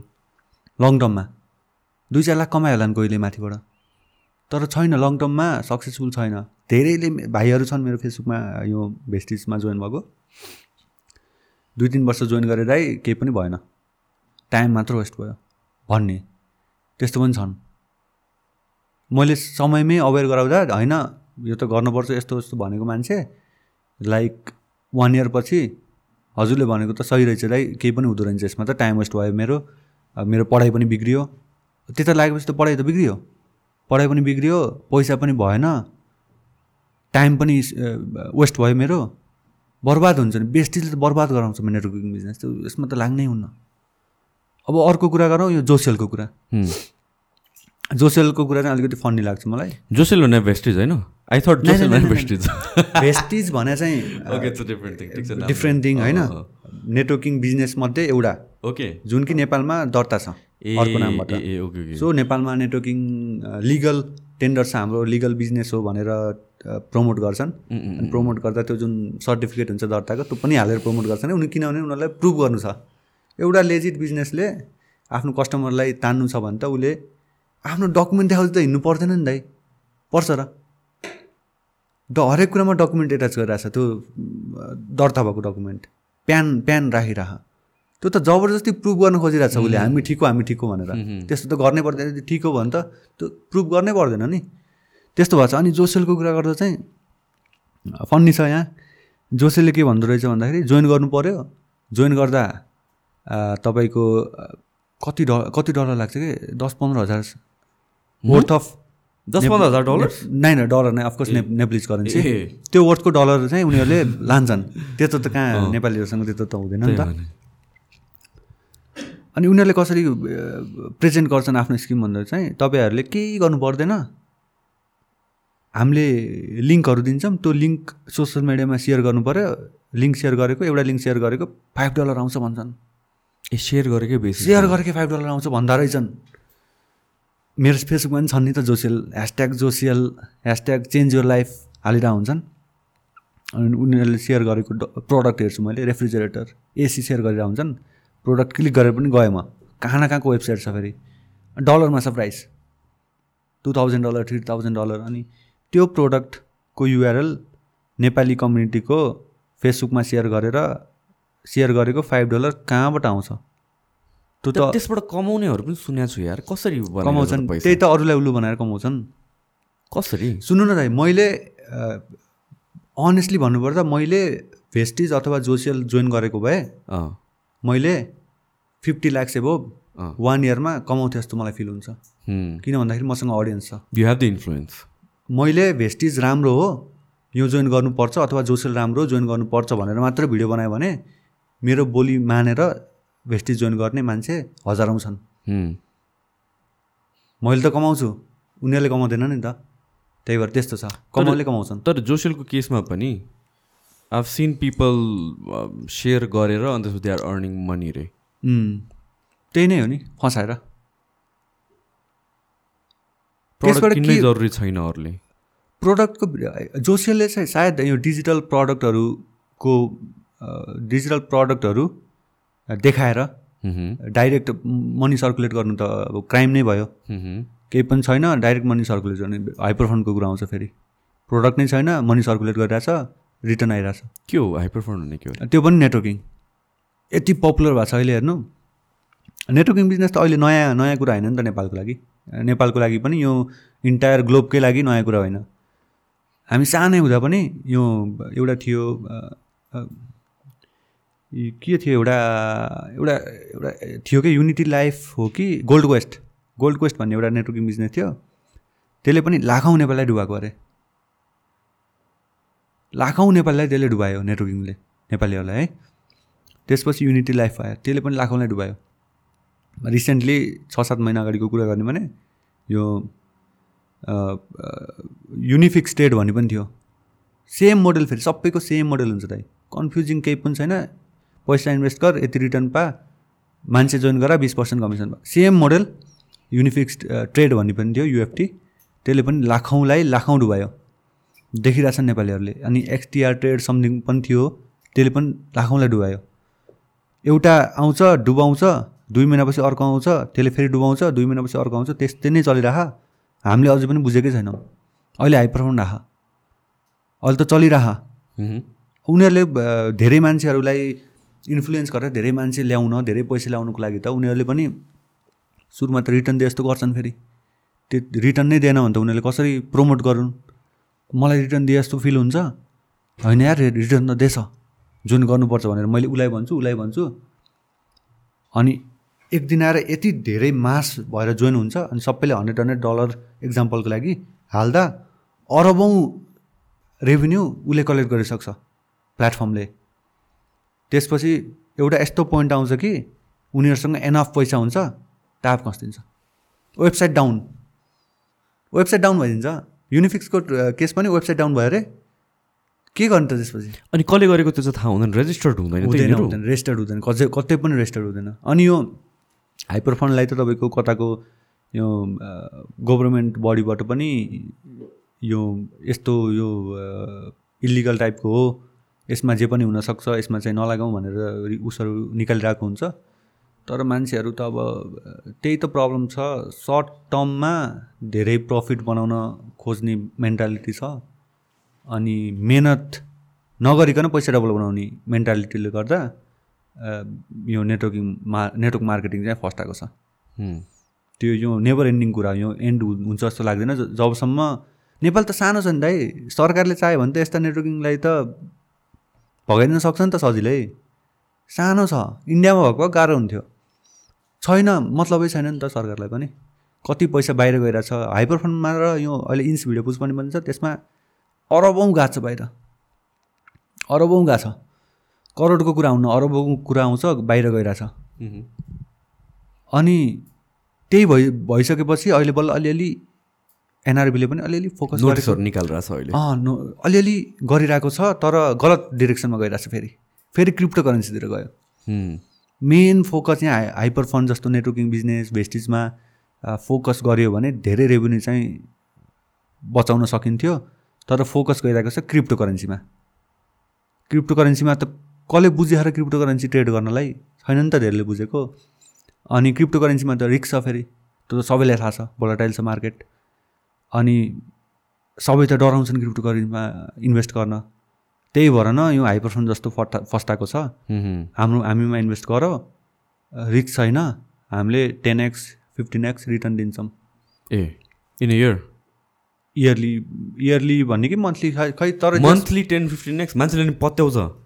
ठ्याक्कै एक्ज्याक्ट नम्बर त मलाई थाहा छैन तर एकदम के एकदम खत्रै रिटर्न चाहिँ दिन्छ उनीहरूले। नेपालको नेपालमा जुन इन्भेस्टमेन्ट गर्ने जुन जति अपर्च्युनिटीहरू छ त्योभन्दा त एकदम बेटर अपर्च्युनिटीहरू सोकेस गर्छ। अनि विदाउट रिस्क भनेपछि त मान्छे त्यहीँ जाने भयो। किन क्रिप्टो करेन्सीमा जान्छ त? त्यो फोकस त सरकारको त्यहाँ हुनुपर्ने हो जब कि क्रिप्टो करेन्सीमा गएर दुई लाख कारोबार गर्नेलाई अनि छोपिरहेको छ क्रिप्टो करेन्सीमा हाइपर फन्डमा एउटै परिवारबाट करोडौँ इन्भेस्ट भइरहेको छ। त्यतातिर बढी फोकस गरेको भए त त्यो रेभेन्यूहरू त बचाउनु सकिन्थ्यो। छैन। मैले अवेरनेस भिडियोहरू त बनाइरहेको हुन्छु। रिसेन्टली पनि बनाएको थिएँ तर त्यो भिडियोमै सीमित हुन्छ। ओके एउटा ब्रेक लिउँ न त है त। ब्रेक लिउँ टुवेल्भ ब्रेक अनि त्यसपछि हामीहरू ठ्याक्क क्रिप्टो ब्लक चेनहरूको कुरा गरेर आएको थियो। त्यहाँतिर हल्का कुरा गरौँ। नेपालमा अब राष्ट्र ब्याङ्कले चाहिँ इलिगल भनेर अनाउन्स गरेको छ होइन? हजुर। मैले चाहिँ डिफ्रेन्ट एस्पेक्ट्स हेर्छु कि यसमा चाहिँ? एउटा चाहिँ of course people would want to invest from citizens point of view या भन्छ लङ रन लङ टर्मको पोइन्ट अफ भ्यूले हेर्ने हो भने चाहिँ इन्भेस्ट गर्नु मेबी पोजिटिभ थिङ होला if it's a legit thing that they are investing हाम्रो गभर्मेन्टको कन्सर्न मेबी मैले नबुझेँ होला तर वाट आई अज्युम इज पैसा लुज गर्ने एस्पेक्ट नबुझेकोले त्यो त त्यो पनि हुनसक्छ तर आई थिङ्क अहिलेको केसमा चाहिँ इट्स द लिक्विडिटी क्राइसिसको कुरा छ नि त नेपालमा। हजुर हजुर। डलर्स नै रिजर्भमा कम छ वर्स इम्पोर्ट बेसी छ। एकदम। होइन एक्सपोर्ट कम छ टुरिज्म अलमोस्ट जिरो छ। एकदमै कम भयो त्यो पनि अनि त्यसपछि थिङ्स लाइक रेमिटान्सेस पनि ड्रप भएको छ। ड्रप भएको छ। होइन त्यो कारणले गर्दा डलर रिजर्भ कम भएकोले गभर्मेन्ट आत्तिएर त्यो नोटिस निकाले जस्तो मलाई लाग्छ। होइन whether it's right or wrong that's a different debatable topic होइन तर पिपलको आफ्नो रिजन्स छ why crypto should be legal भनेर गभर्मेन्टको आफ्नो रिजन्स छ why it should not be legal भनेर so it's a conflict of interest यस्तो छ त्यसमा पनि के छ भन्दाखेरि सरकारले एनआरबीले क्रिप्टो करेन्सीको नेगेटिभ एस्पेक्टतिर बढी फोकस गरेको छ। अनि त्यसको पोजिटिभ एस्पेक्टहरू पनि त छ। यदि कोही मान्छेसँग क्रिप्टो रिलेटेड नलेज एकदम बढी छ भने उसले त्यसमा इन्भेस्ट गरेर फिफ्टी एक्स हन्ड्रेड एक्स पनि त गराउन सक्छ गराइरहेका छन् विदेशतिर। ठिक छ सयजनामा दुईजनाले कमाउलान्। होइन? नाइन्टी एटजनाले गुमाउलान् अरे। किन भन्दा धेरैजनासँग त नलेज छैन त्यो लैलैमा लैलैमा लाग्ने बानी छ हाम्रो फेरि। त्यो पनि कुराहरू छ। त्यही भएर तर दुईजना त्यो दुईजनाहरू त वञ्चित भयो नि त। त्यो दुईजनाहरू त वञ्चित भए इक्जाम्पलको लागि। उनीहरूले त राम्रो गर्न सक्थ्यो होला इन्भेस्ट गरेको भए लङ टर्ममै हेर्ने हो भने अनि त्यसपछि मेन मेन प्रब्लम चाहिँ अहिले यो बाहिरबाट आउनुपर्ने रेमिटेन्सहरू एकदम घट्यो। त्यो घटाउनुको मेन कारण भनेको मलाई मेरो विचारमा मेन कारण भनेको टिकटकमा जुन यो गिफ्ट गइरहेको छ। त्यसपछि क्रिप्टो करेन्सीमै उतै इन्भेस्ट गरिरहेका छन्। होइन? अर्को छ हाइपर फन्ड विदेशबाट नेपाल पैसा पठाउने जुन पैसा हुन्छ त्यतातिर गइरहेको छ। जब कि एक वर्ष अगाडि हेर्ने हो भने त्यो सबै पैसा नेपाल आउँथ्यो। अरबौँको कुरा हुन्छ फेरि यहाँ। अनि त्यो भएपछि त नेपाल सरकार त आत्तिनु परिहाल्यो नि। मान्छेहरूले पैसा पठाउनै छोड्यो नेपालमा। त्यही रेमिटेन्सबाट चलिरहेको देश हो। पैसा आउनु न नआएपछि त अर्थतन्त्र त भइयो त। अरू सोर्स नै छैन।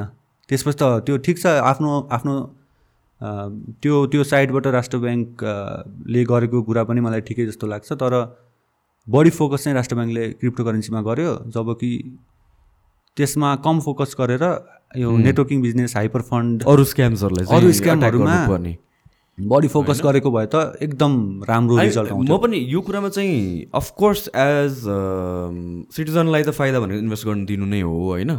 तर um, यो साइडको पनि स्टोरी आई थिङ्क मान धेरैजना मान्छेले बुझेको चाहिँ छैन। त्यो भन्दैमा अब गर्नु हुने नहुने मैले त डिसाइड गर्न मिल्दैन या मैले ओपिनियन दिन मिल्दैन। जस्ट दुइटा फ्याक्ट मात्र एक्सप्लेन गरेको र आई थिङ्क यो भनेको एउटा ठुलो घाउमा एउटा ब्यान्डेज लगाइदिए बराबर मात्र हो कि? घाउ कसरी क्योर गर्ने भनेर चाहिँ सोचे होइन। किनभने घाउ। क्योर गर्नलाई फिफ्टिन ट्वेन्टी थर्टी इयर्स लाग्छ कि? लाग्छ। तर त्यो प्लानमा त जानु पऱ्यो नि त। फर इक्जाम्पल हामीहरूको इम्पोर्ट एकदमै हाई छ कि? हाम्रो एक्सपोर्ट एकदमै कम छ। हाम्रो प्रडक्सन कम छ। होइन मेजोरिटी अफ बिजनेसेसहरू ट्रेड रिलेटेड बिजनेसहरू नै छन्। भनेपछि त नेपालमा भएको कम्पनीजहरूलाई प्रमोट गर्नु थाल्नु पऱ्यो नि त। नेपालको स्टार्टअप इको सिस्टम स्मल बिजनेसेसहरू या large businesses industries whatever it is नेपालमा प्रडक्सन कसरी इन्क्रिज गर्ने त? सो द्याट हामी सेल्फ सस्टेन्ड हौँ नम्बर वान थिङ र त्यो क्वालिटी यतिको बेटर होस् कि हामीले एक्सपोर्ट पनि गर्न सकौँ। किनभने डिमान्ड त छ अलरेडी होइन? So that would be a long term planning के हजुर हजुर। सर्ट टर्म प्लानिङ के भयो भनेपछि हाम्रो वी आर डिपेन्डेन्ट अन बाहिरबाट आउने पैसा। त्यो रोकियो। अब त्यसलाई कसरी बढाउने? र भित्र भएको पैसा बाहिर जाने कसरी नदिने? हो त्यसमा बढी फोकस भयो। अब नेपाललाई त गाह्रै छैन नि दाइ। नेपाललाई डेभलप गर्नु छ भने त यहाँ हाइड्रो इन्डस्ट्रीमै बढी फोकस गरेर त्यसलाई इन्हान्स गर्यो भने त सानो न छ नेपाल। हाइड्रो प्रोजेक्टहरू कति छ त्यसलाई राम्रोसँग त्यसमा काम गरेर इलेक्ट्रिसिटी राम्रोसँग जेनेरेट गर्न सक्यो भने अनि त्यसपछि इभीका कुरा आउँछ। इभीलाई प्रमोट गर्ने। इलेक्ट्रिसिटीको त सोर्स त नेपालमा एकदम राम्रो छ। अन्त त त्यतिको छैन। अनि इलेक्ट्रिसिटी एकदम राम्रोसँग प्रड्युस गर्ने त्यसपछि इभीलाई प्रमोट गर्ने। कति महँगो छ इभी दाइ? चौध लाख पर्ने आइएनआर पर्ने गाडीलाई यहाँ नेपालमा चालिस लाख पर्छ। अनि त्यसलाई इभीलाई अलिकति ट्याक्स अलिकति कम गराएर इभीलाई प्रमोट गर्ने भने त ओइल हामीले इम्पोर्ट गर्नै पर्थेन नि। गर्न परे पनि धेरै हदसम्म हाम कम हुन्थ्यो त्यो।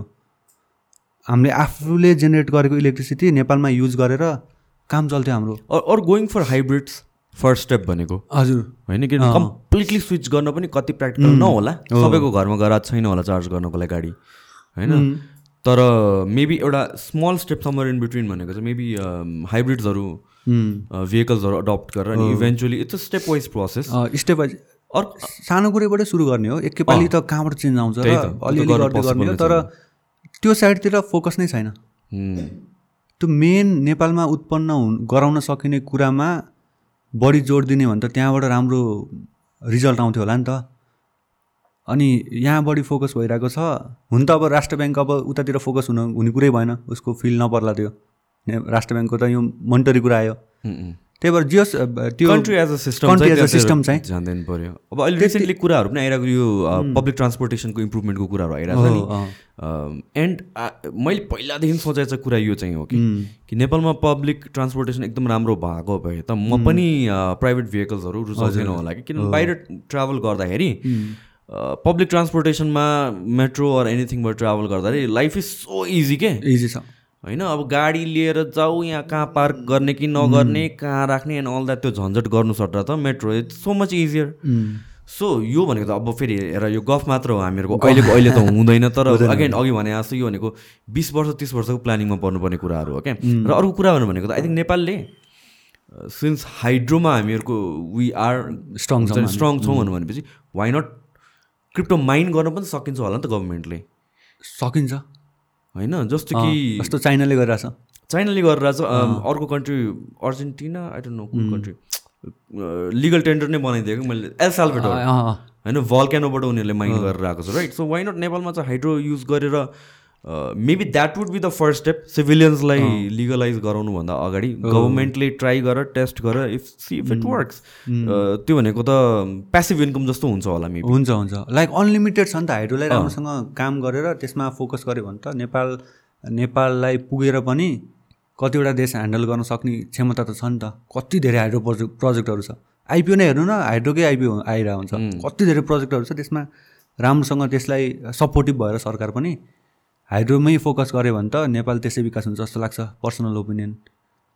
अनि यो इभीलाई प्रमोट गर्ने त्यस्तै स्टेप बाई इभी इभीलाई त सुरुमा त्यो ट्याक्सै अलिकति सहज गराइदियो भने चालिस लाख चौध लाख पर्ने आइएनआर पर्ने गाडीलाई यहाँ कन्भर्ट गर्दा कति पर्छ? एक्काइस लाख पर्छ।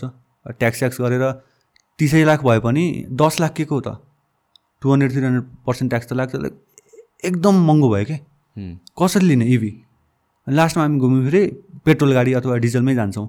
किन भन्दा त्यो त इभीभन्दा दस लाख सस्तोमा पाइन्छ। अनि फेरि इम्पोर्ट गरेको ओइल नै युज गर्नु पऱ्यो हामीले पेट्रोल डिजल। इभीमा ट्याक्सेस कम गरेको थियो होइन र? केही हदसम्म कम गरे पनि कम गरेको देखेन खै। महँगै छ लास्टै महँगो छ। त्यो गऱ्यो भने सानसानो कुराबाट यति यति कम गरिदियो पनि अन्त धेरै राहत मिल्छ नि त। मान्छेहरू अब अब इभी अहिले अलिकति फस्टाएको छ पहिलाको भन्दा त। अब मेन फर्स्ट आउनुमा मेन प्रब्लम यहाँ ट्याक्सकै छ महँगो इभी पेट्रोल गाडीभन्दा। त्यसपछि चार्जिङ स्टेसनहरूको प्रब्लम आउँछ। त्यसमा पनि ठाउँ ठाउँमा यता पूर्वतिर त चार्जिङ स्टेसनहरू कतिपय ठाउँमा राखेको छ। तर सरकारले पनि त्यो साइडमा अलिकति ठाउँ ठाउँमा चार्जिङ स्टेसन राख्यो। त्यसपछि ट्याक्स घटाइदियो भने त इम्पोर्ट गर्नै पर्थेन हामीलाई। नेपालकै इनर्जी युज गरेर मजासँग चल्न सक्थ्यो अझै बेच्न सक्थ्यो। क्रिप्टोका कुराहरू पनि आए। डेभलप गर्न त नेपाल सजिलो यदि लाइक पोस्टमा बसेको जुन हाम्रो हुनुहुन्छ नेतृत्व गर्ने मान्छेहरू हुनुहुन्छ उहाँले चाहने भने नेपाल डेभलप हुन्छ। तर यहाँ फोकस केमा छौँ हामी भन्दाखेरि माथि जाने के गर्न जाने आफ्नै गोजी बन्न जाने। त्यही नै त छ नि। पहिल्यैदेखि अहिलेसम्म त्यही नै छ। देशको कसले सोचे र? कसैले सोचेको छैन आफ्नै गोजी भर्नु पऱ्यो आफ्नै पर्सनल विकास हुनु पऱ्यो आफ्नै फाइनेन्स स्ट्रङ हुनु पऱ्यो देश त मतलबै छैन नि त। त्यो कारणहरूले गर्दा नेपाल त सजिलै डेभलप हुनुपर्ने कन्ट्री हो तर भइरहेको छैन। इभेन्चुली राम्रो राम्रो लिडर यङ लिडर आउनु पर्छ जस्तो लाग्छ मलाई। त्यो भयो भने बल्ल त्यो एनर्जेटिक त्यो नयाँ टेक्नोलोजी युज गरेर त्यो नयाँ इनोभेसन त्यो नयाँ आइडियाहरू युज गरेपछि बल्ल केही हुन्थ्यो कि जस्तो लाग्छ तर चान्स नै पाएको छैनन्। अब जब चान्स पाउँछन् तब गर्छन् होला राम्रो। हेर्दै जाउँ। इन टर्म्स अफ हामीले क्रिप्टोको कुरा गर्दाखेरि we just talk about the टोकन्सहरू अनि जुन चाहिँ करेन्सीको बारेमा कुरा गर्छ। तर त्यसको पछाडिको टेक्नोलोजी हो नि त मेन त। हजुर हजुर। ब्लक चेन टेक्नोलोजी त्यसको बारेमा अलिकति एक्सप्लेन गरिदिनु पऱ्यो अँ ब्लक चेन भनेको चाहिँ अब हाम्रो सिम्पल भाषामा बुझ्दा चाहिँ ब्लक चेन भनेको चाहिँ एउटा डिस्ट्रिब्युटेड डेटाबेस एउटा सेन्ट्रल डेटाबेस भइहाल्यो एउटा डिस्ट्रिब्युटेड हुन्छ। सेन्ट्रल डेटाबेसको कुरामा हाम्रो ब्याङ्कको इक्जाम्पल लिने भने हामीले गर्ने हरेक ट्रान्जेक्सन ब्याङ्कको ब्याङ्कले रेकर्ड राखिरहेको हुन्छ हरेक ट्रान्जेक्सनको एभ्री ट्रान्जेक्सनको रेकर्ड ब्याङ्कसँग हुन्छ। सेन्ट्रल अथोरिटी भयो।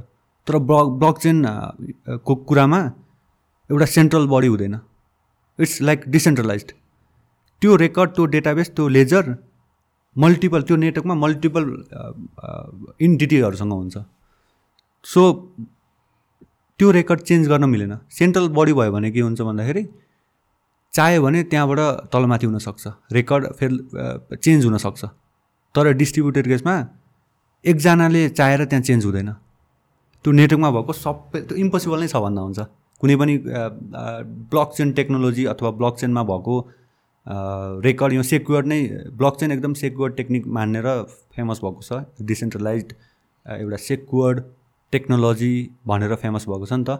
अब त्यसलाई सेक्युर्ड बनाउनु पछाडिको रिजन नै त्यही छ कि कुनै पनि त्यसभित्रको डेटालाई चेन्ज गर्न सकिँदैन। एउटा पनि नोडले एक्सेप्ट गरेन भने चाहिँ रिजेक्ट रिजेक्ट रिजेक्ट त्यो त्यो सिस्टममा भएको सबै hundred percent hundred percent accept हुनु पऱ्यो त्यो डेटाबेस सबैसँग हुन्छ त्यो डेटाबेससँग नम्बर्सहरू म्याच हुनु पऱ्यो बल्ल ट्रान्जेक्सन सक्सेसफुल हुन्छ। सो ब्लक चेन भनेको त टेक्नोलोजी एकदम राम्रो हो तर युज केसहरू एकदम राम्रो राम्रो छ फेरि ब्लक चेनको फर इक्जाम्पल के केमा युज हुनसक्छ? ब्लक चेनको अब क्रिप्टो करेन्सी त भइहाल्यो तर अरू युज केसहरू हेर्नुपर्दा तपाईँको यो रियल इस्टेट रियल इस्टेटको कुराहरूमा पनि ब्लक चेन टेक्नोलोजी युज भयो भने धेरै हदसम्म सहज हुन्छ। कुनै प्रपर्टी कुन मान्छेको थियो अनि त्यसले कसलाई बेच्यो त्यसपछि त्यसले कसलाई बेच्यो सबैको रेकर्ड ट्रान्सप्यारेन्ट बिचमा केही चेन्ज गर्नै मिल्दैन। ट्रान्सप्यारेन्सी एकदम हाई हुन्छ। रियल इस्टेटदेखि लिएर तपाईँको यो बाइकहरूको हुन्छ नि बाइकहरूको यो त्यो मिटर डाउन गरेर यो गराउनु मिल्छ नि त त्यो किलोमिटर हिँडेको। अनि त्यस्तोमा पनि एउटा सेन्सर हालिदिने। अनि त्यो सेन्सरलाई सिधै ब्लक चेन टेक्नोलोजीमा कनेक्ट ब्लक चेन त्यो उसमा कनेक्ट डेटाबेसमा कनेक्ट गरिदिने। सबै कुरा ट्रान्सप्यारेन्ट सबैलाई थाहा हुन्छ कि के भइरह। त्यसलाई फेरि चेन्ज गर्न मिलेन कसैले। यो गाडी थाउ टेन थाउजन्ड किलोमिटर चलेको छ भने टेन थाउजन्ड किलोमिटर चलेको छ त्यसलाई घटाएर फाइभ थाउजन्ड बनाउन सकेन। हरेक कुरामा ब्लक चेन युज भयो भने त कति सजिलो हुन्छ। सेक्योर पनि भयो ह्यासल फ्री भयो। इन अ वे मिडलम्यान पनि हटायो। मिडलम्यान हट्यो भने त। मेन भनेकै मिडलम्यान हटाउनु नै मेन मोटिभ हो नि त ब्लक चेन टेक्नोलोजीको त्यही भएर ब्लक चेन टेक्नोलोजीको युज केसहरू त राम्रो राम्रो छ तर अहिले झ्याप्प हेर्दा चाहिँ त्यस्तो युज केस अझै राम्रो युज केसहरू चाहिँ देखिरहेको छैन। एनएफटीको कुरा गरौँ।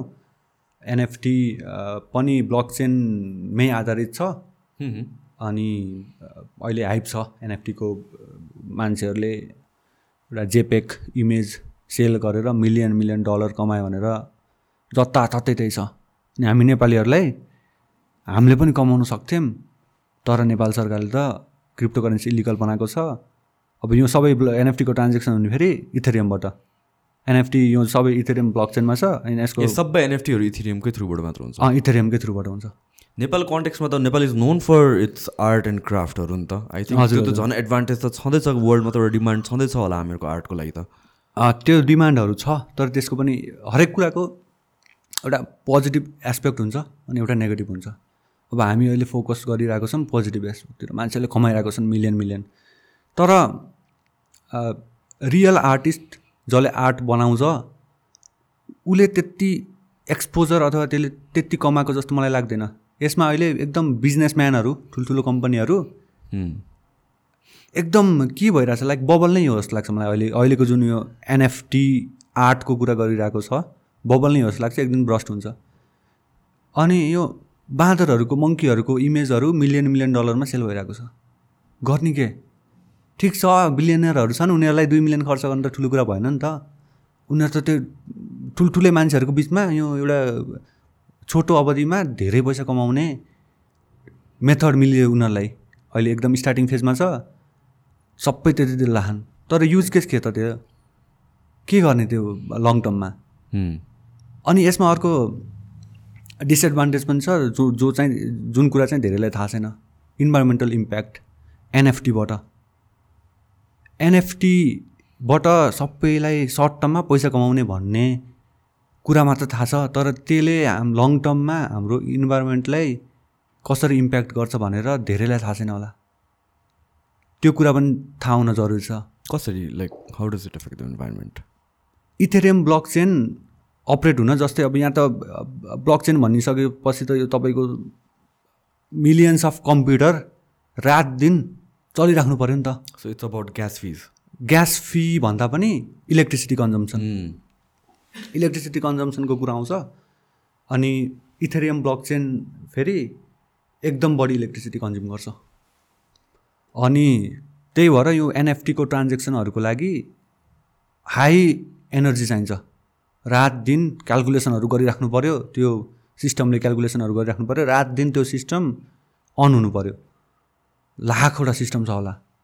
एकदम म्याक्सिमम् एनर्जी उनीहरूले चाहिन्छ त्यो रन हुनलाई। अनि यसले त तपाईँको लङ टर्ममा त कस्तो इम्प्याक्ट पार्छ? अब इलेक्ट्रिसिटीमा नेपालमा पो हाइड्रोहरू छ। रिन्युएबल सोर्सहरू छ इलेक्ट्रिसिटी जेनेरेट गर्नलाई प्रब्लम छैन नेपालको केसमा। तर यो त नेपालको कुरा होइन। मेन कुरा त यहाँ चाइनाको रसियाको युएसको कुरा आउँछ। उनीहरूको त कोलबाट पावर कोलबाट फोसिल फ्युलबाट हुन्छ। बर्न गरेर फोसिल फ्युल ओइलहरू बर्न गरेर इलेक्ट्रिसिटी निकाल्छ। चाइनाले सेभेन्टी पर्सेन्ट इलेक्ट्रिसिटी फोसिल त्यो फोसिल फ्युलबाट बर्न गरेर। त्यसले इन्भाइरोमेन्टमा कार्बन डाइअक्साइड कति छोडिरहेको छ। युएसको eighty percent energy fossil fuel बन्द गरेर आउँछ। भनेपछि त लङ टर्ममा त अनि त्यो इलेक्ट्रिसिटी आइरहेछ कहाँ गइरहेछ भन्दाखेरि एनएफटीको ट्रान्जेक्सनमा गइरहेछ। म्याक्सिमम् तपाईँको एउटा एनएफटी ट्रान्जेक्सनमा एउटा एडिसन एनएफटी ट्रान्जेक्सनमा आई थिङ्क यो थ्री फोर्टी किलोवाट आवरको एनर्जी चाहिन्छ जसले तपाईँको दुई सय किलो किलोग्राम तपाईँको कार्बन डाइअक्साइड एमिट गर्छ। Just for one one one one one one ट्रान्जेक्सनमा यदि त्यही एनएफटी मल्टिपल टाइम्स बाइसेल भयो भने इन्टु गर्नुहोस्। अनि त्यो बराबर अब नम्बरमा कतिलाई प्रब्लम हुनसक्छ त्यो बराबर एउटा एनएफटी ट्रान्जेक्सन भनेको त्यहाँ रिसर्चरहरूले रिसर्च गरेर निकालेको छन्। एउटा एनएफटी ट्रान्जेक्सनले तपाईँको युरोपियन सिटिजन एउटा युरोपियन घरको एक महिनाको इलेक्ट्रिसिटी कन्जम्सन इक्वल हुन्छ त्योसँग एउटा एनएफटीको ट्रान्जेक्सनसँग। भनेपछि त इमेजिन गर्नुहोस् यहाँ त लाखौँवटा एनएफटीको ट्रान्जेक्सन भइरहेछ त्यसले कति इनर्जी कन्जम गरिरहेछ त्यसको लागि कति इलेक्ट्रिसिटी जेनेरेट गर्न परिरहेको छ यो हाम्रो फोसिल फ्युलहरू बन्द गरेर त्यसले कति कार्बन डाइअक्साइड इन्भाइरोमेन्टमा फालिरहेको छ। लङ टर्ममा त्यसले त नराम्रो इम्प्याक्ट पारिरहेको छ दाइ। अनि पैसा त कमाइरहेछन् होला। मलाई लाग्छ बिजनेसम्यानहरूले मात्र कमाइरहेको छन् किन भन्दाखेरि it's all about creating hype एउटा आर्ट बनायो हाइप कसरी क्रिएट गर्ने त त्यो आर्टलाई? त्यो आर्टलाई कनेक्ट गरिदिन्छन्। यो आर्ट यो मान्छेले ओन गर्छ अथवा योसँग रिलेटेड छ यसरी यो पपुलर फिगरसँग रिलेटेड छ यो आर्ट। एकदम भ्यालुएबल आर्ट छ भनेर इन्स्टामा एडभर्टाइज आएर हुन्छ। इन्ट्रेन्सिक भ्याल्यु केही पनि भएन।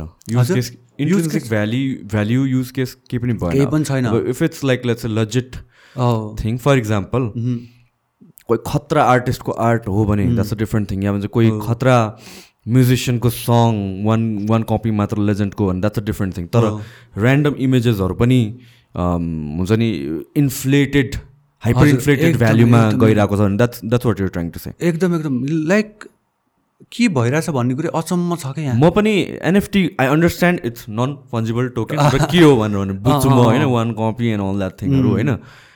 तर किन यत्रो भ्याल्यु भइरहेको छैन? अफ ऱ्यान्डम थिङ्सहरू त्यो चाहिँ बुझाएको छैन कि मैले पनि। यसमा त्यही त यो भनेको बेसिसमा हो र यो सबै? सब मेन्टालिटी मान्छेहरूलाई अब मेटाभर्सको कुरा आयो फेरि ठ्याक्कै एउटै समयमा सबै कुराहरू भइरह्यो कि?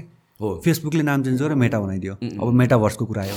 अब मेटाभर्समा आफूले डिजिटल एसेटहरू ओन गरेर आफ्नो म्युजियम बनाउने त्यसमा सोकेस गराउनेदेखि लिएर त्यस्ता कुराहरू आउँछ भर्चुअल रियल स्टेटहरू अँ अँ त्यही त। त्यो सबै कुराहरू एउटै एउटै समयमा आए जस्तो लाग्यो मलाई अनि त्यसले गर्दा हाइप क्रिएट गर्यो एकदम।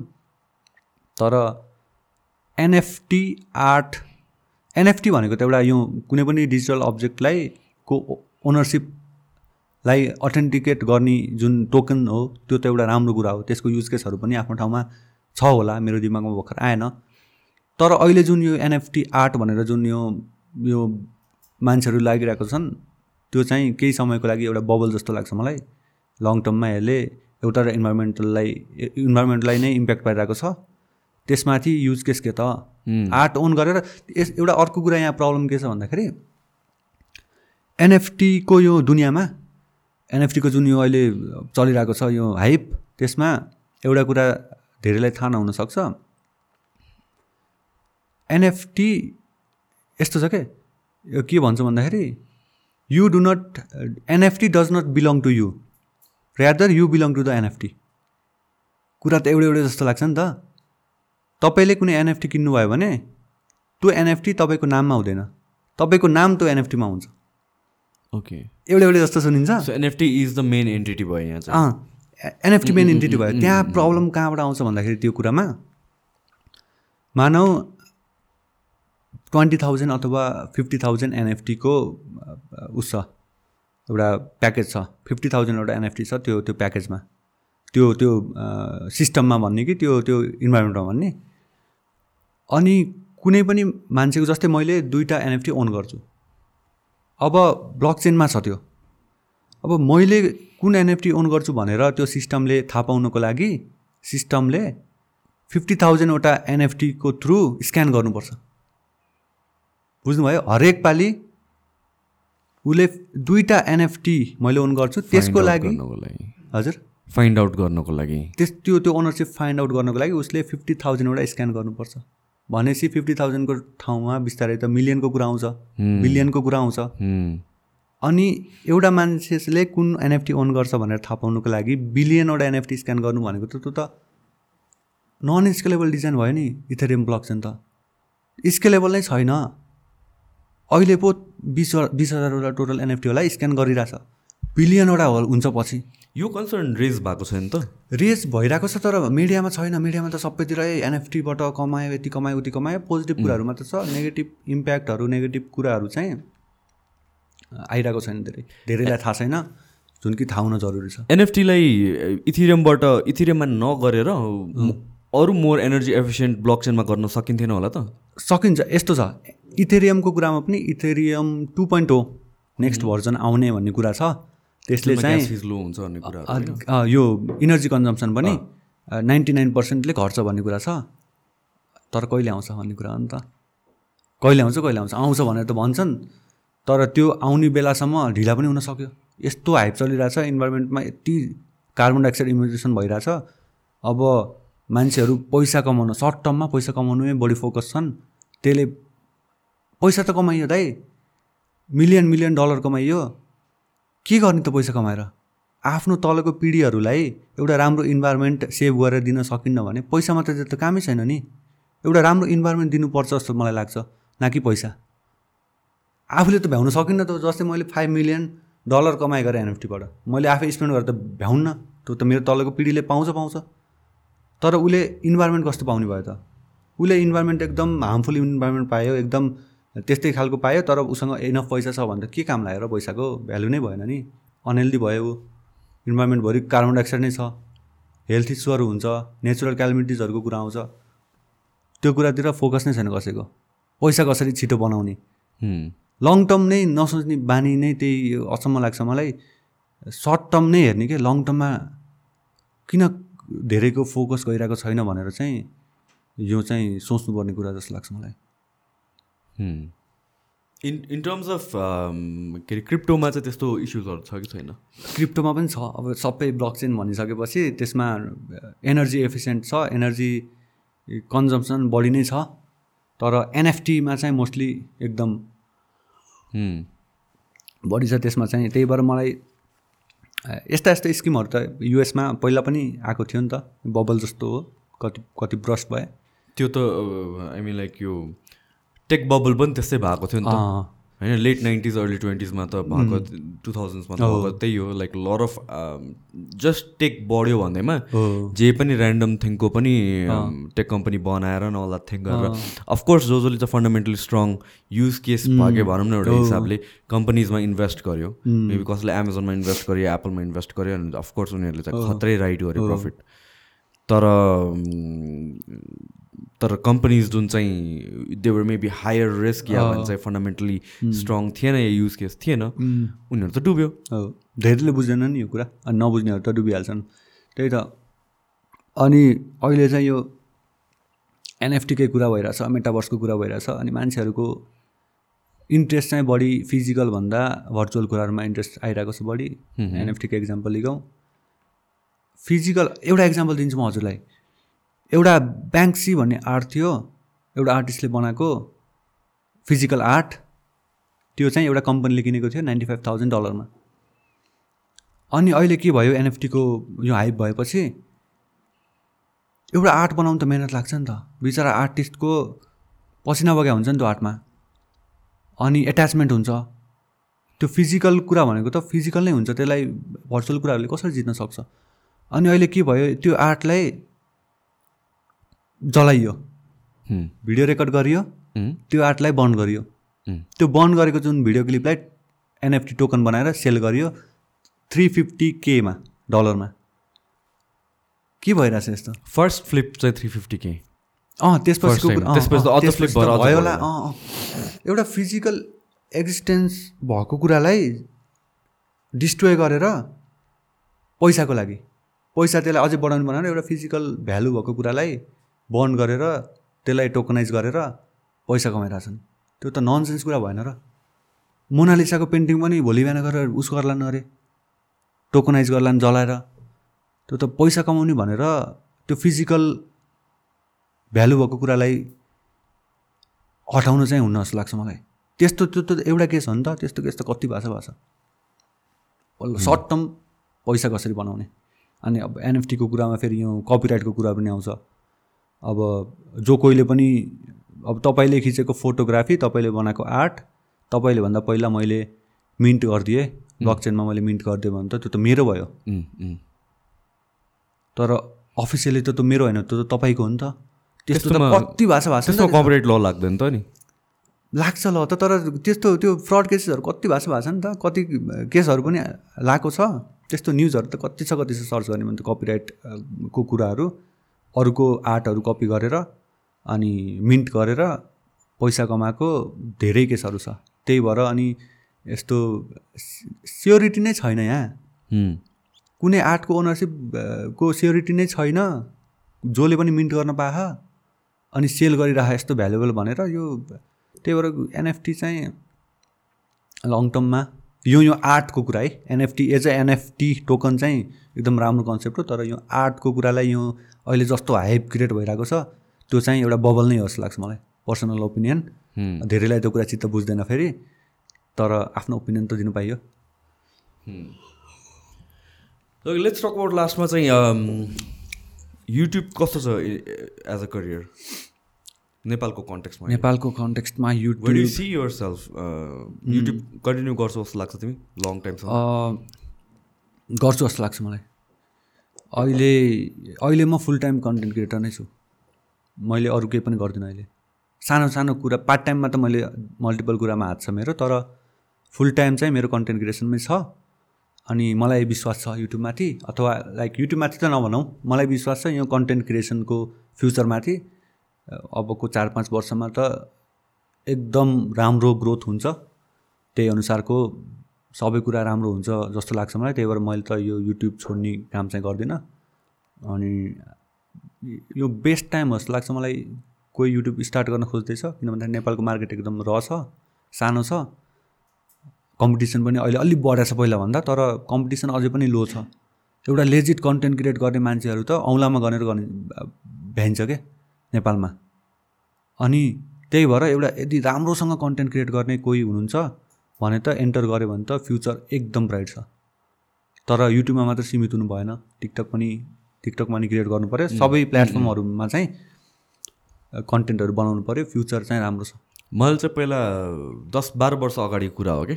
त्यतिखेर के भनिन्थ्यो भने the future most valuable asset भनेको डेटा हुन्छ भनेर भन्थ्यो कि?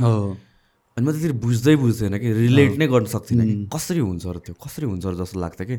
तर now I can see that कि डेटा कन्टेन्ट जसरी डिफ्रेन्ट यो एमाजोनहरूदेखि लिएर फेसबुकहरूले डेटा सेल गर्ने एन्ड अल द्याट थिङ र I think in the future यो झन् त्यो it's just going to grow मात्र कि। ग्रो नै हुन्छ नि। मेटाभर्सको कुरा छ। अनि? हरेक कुरा हामीले मेटाभर्समा अपडेट गरेर हुन्छौँ। आफ्नो इन्ट्रेस्टको कुरादेखि लिएर सबै कुरा। त्यो डेटा त फेसबुकले हामीलाई फ्रीमा किन प्लेटफर्म चलाउनु दिन्छ र?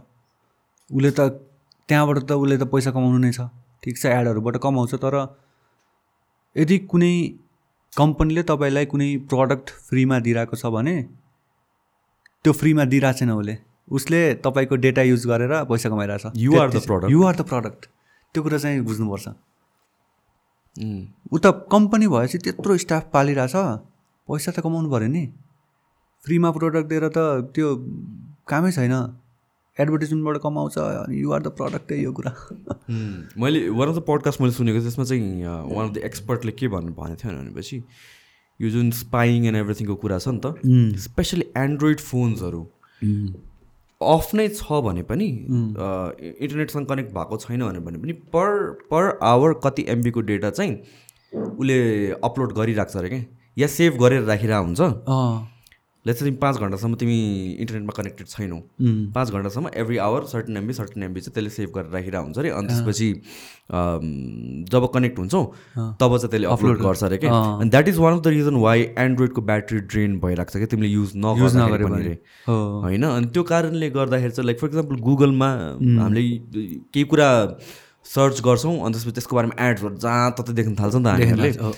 त्यो पनि भयो। अनि one of the amazing incident के भएको थियो भनेपछि एकजना भाइ आएको थियो कि बाहिरबाट। अनि त्यसपछि मलाई त्यतिखेर स्टक्सहरू यताउतिको बारे- बारेमा के पनि थाहा थिएन। अनि त्यसपछि उसले चाहिँ टक अबाउट स्पेसिफिकली मैले लाइफमा फर्स्ट टाइम सुनेको वर्ड पिप्स पिप्स हुन्छ नि यति. पिप्स होइन? के हो पिप्स हुने? पिप्स भनेको यतिको इन्क्रिमेन्ट भन्ने कुरा हो.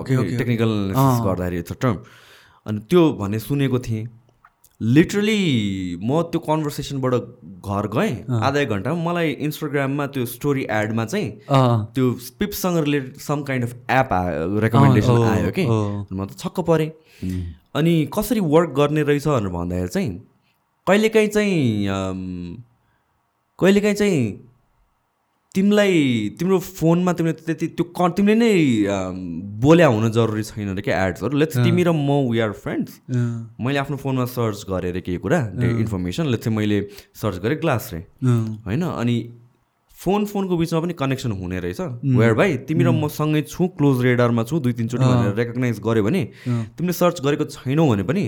सिन्स म ग्लासमा इन्ट्रेस्टेड छु र तिमी मेरो फ्रेन्ड हो तिमीलाई पनि रेकमेन्ड गर्न थाल्छ। इट्स क्रेजी यु अब गुगलकै कुरा आउँछ नि यहाँ त गुगलको हरेकवटा प्रडक्ट यति पपुलर छ। सर्च इन्जिनदेखि लिएर। सबै कुरा लाइक गुगलले नै इन्टरनेट ओन गर्छ जस्तै भयो कि जेनरल पब्लिकको लागि त। मोनोपोली गरेकै छ नि गुगलले हरेक कुरा गुगलले हरेक कुराको डेटा राखिरहेको हुन्छ। कतिपय डेटाहरू त हामीले आफैले पनि हेर्न मिल्छ। अनि त्यो डेटालाई त उसले युज गर्ने नै भयो। मोनिटाइज गरिहाल्छ मोनिटाइज गरिहाल्छ। अनि डेटा मोनिटाइज गरेपछि त रेभेन्यू यही विषयमा एउटा पाइ पाइ नेटवर्क भन्ने कुरा छ। सुन्नुभएको छ? पाइ पाइ बुझा छैन। के हो? What is that pi network pi network भन्ने एउटा पाइ एप भन्ने छ। होइन? अब त्यो अनुसार चाहिँ यहाँ पाइ एपभित्र यहाँ पाइ कोइन भन्ने हुन्छ। यो चाहिँ एउटा क्रिप्टो करेन्सी हो। यसको अहिले कुनै पनि भ्यालु छैन। तर फ्युचरमा यसको भ्यालु वान डलर हुनेवाला छ अथवा सर्टेन डलर हुनेवाला छ। तर यो त एक्जिस्टेन्समा भइरहेको त धेरै टाइम भइसक्यो धेरै भइसक्यो नि दाइ। एउटा एट्टिनदेखि हो सायद सुरु भयो। अनि टु थाउजन्ड नाइन्टिनमा लन्च गर्ने। एक्सचेन्जमा क्रिप्टो एक्सचेन्जमा लन्च गर्ने भनेर भनियो। अहिले टु थाउजन्ड ट्वेन्टी टू सुरु भइसक्यो। त्यसको युज केस केही छैन केही पनि छैन नि। त्यसले के फाइदा उठायो भन्दाखेरि क्रिप्टो माइनिङ गर्न ठुल्ठुलो सिस्टमहरू चाहिन्छ। त्यसमा महँगो पर्छ सिस्टम। एउटा नर्मल मान्छेले त्यो गर्न सक्दैन। होइन बिजनेसहरू अथवा एकदम धनी मान्छेले ओन गर्न सक्छ त्यो सिस्टम। पहिला पहिला त गर्न सकिन्थ्यो। अहिले आएर चाहिँ सकिँदैन। सिस्टम नै ठुल्ठुलो हुन्छ पहिला सानो सिस्टमले पनि गरिन्थ्यो। अब त्यही भएर उनीहरूले त्यो फाइदा उठाएर अनि मोबाइलबाट माइन गर्न सकिने। भनेर भनिदियो।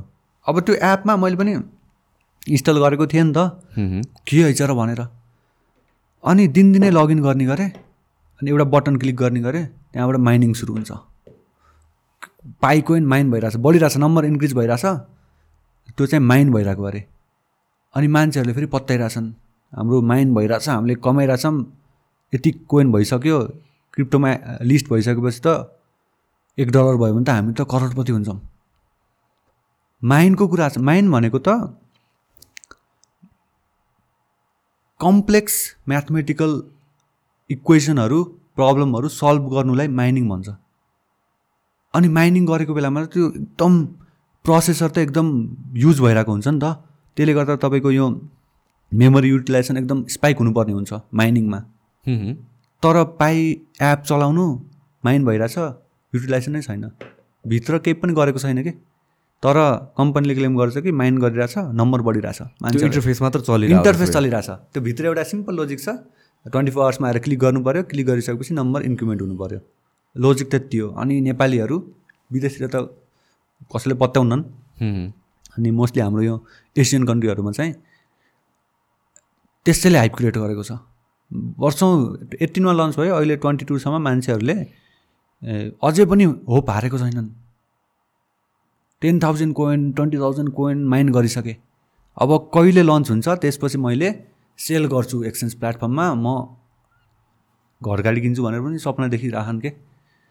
कसरी किन्छन्? त्यत्रो हरेक मान्छेसँग छ। अनि एक्सचेन्जमा एउटा त मलाई यो एक्सचेन्जमा लिस्ट हुन्छ जस्तो लाग्दैन किन भन्दाखेरि माइनिङ नै के भइरहेको थियो? नम्बर बढिरहेको यत्तिकै। अनि पाई कोइनको बारेमा मैले एउटा भिडियो पनि बनाएको थिएँ। त्यसमा चाहिँ यो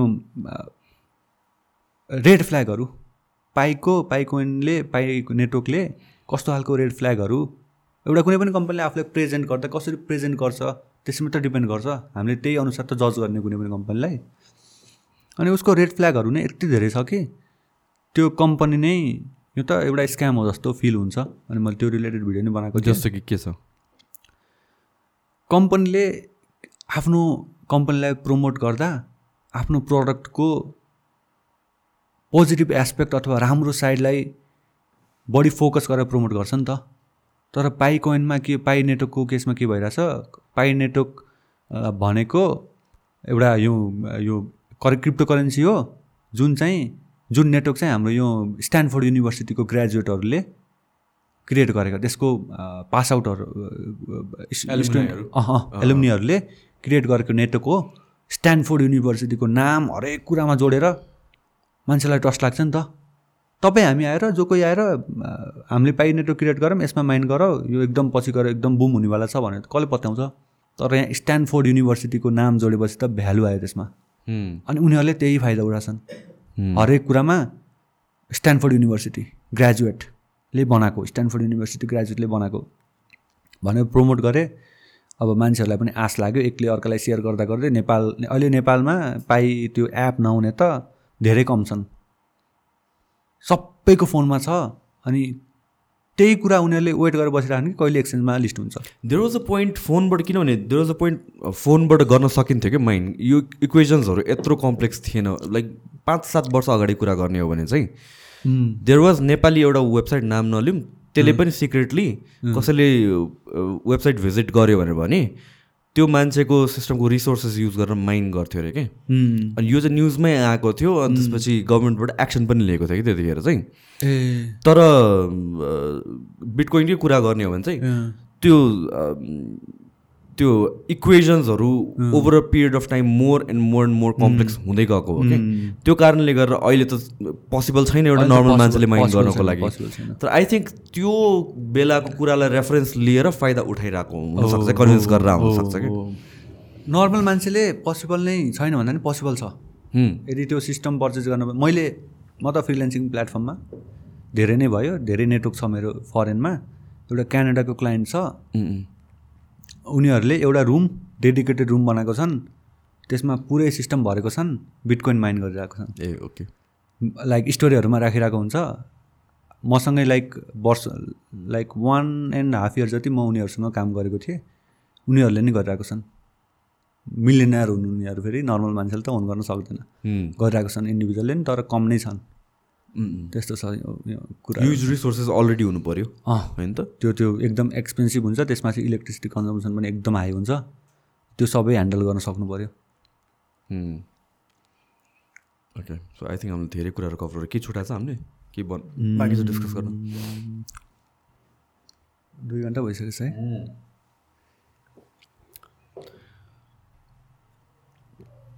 आ केही छ त?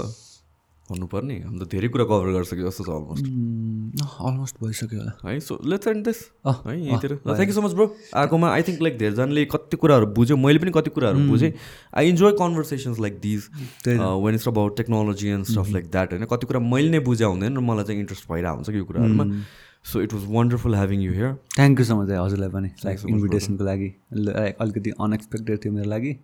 अनि like I am so glad के। यहाँ आएर बोल्नु पाउँदा अनि केही आफूसँग भएको नलेज सेयर गर्नु पाउँदा um I'm I'm very glad thank you so much है thank you so much for guys for watching also you guys next एपिसोडमा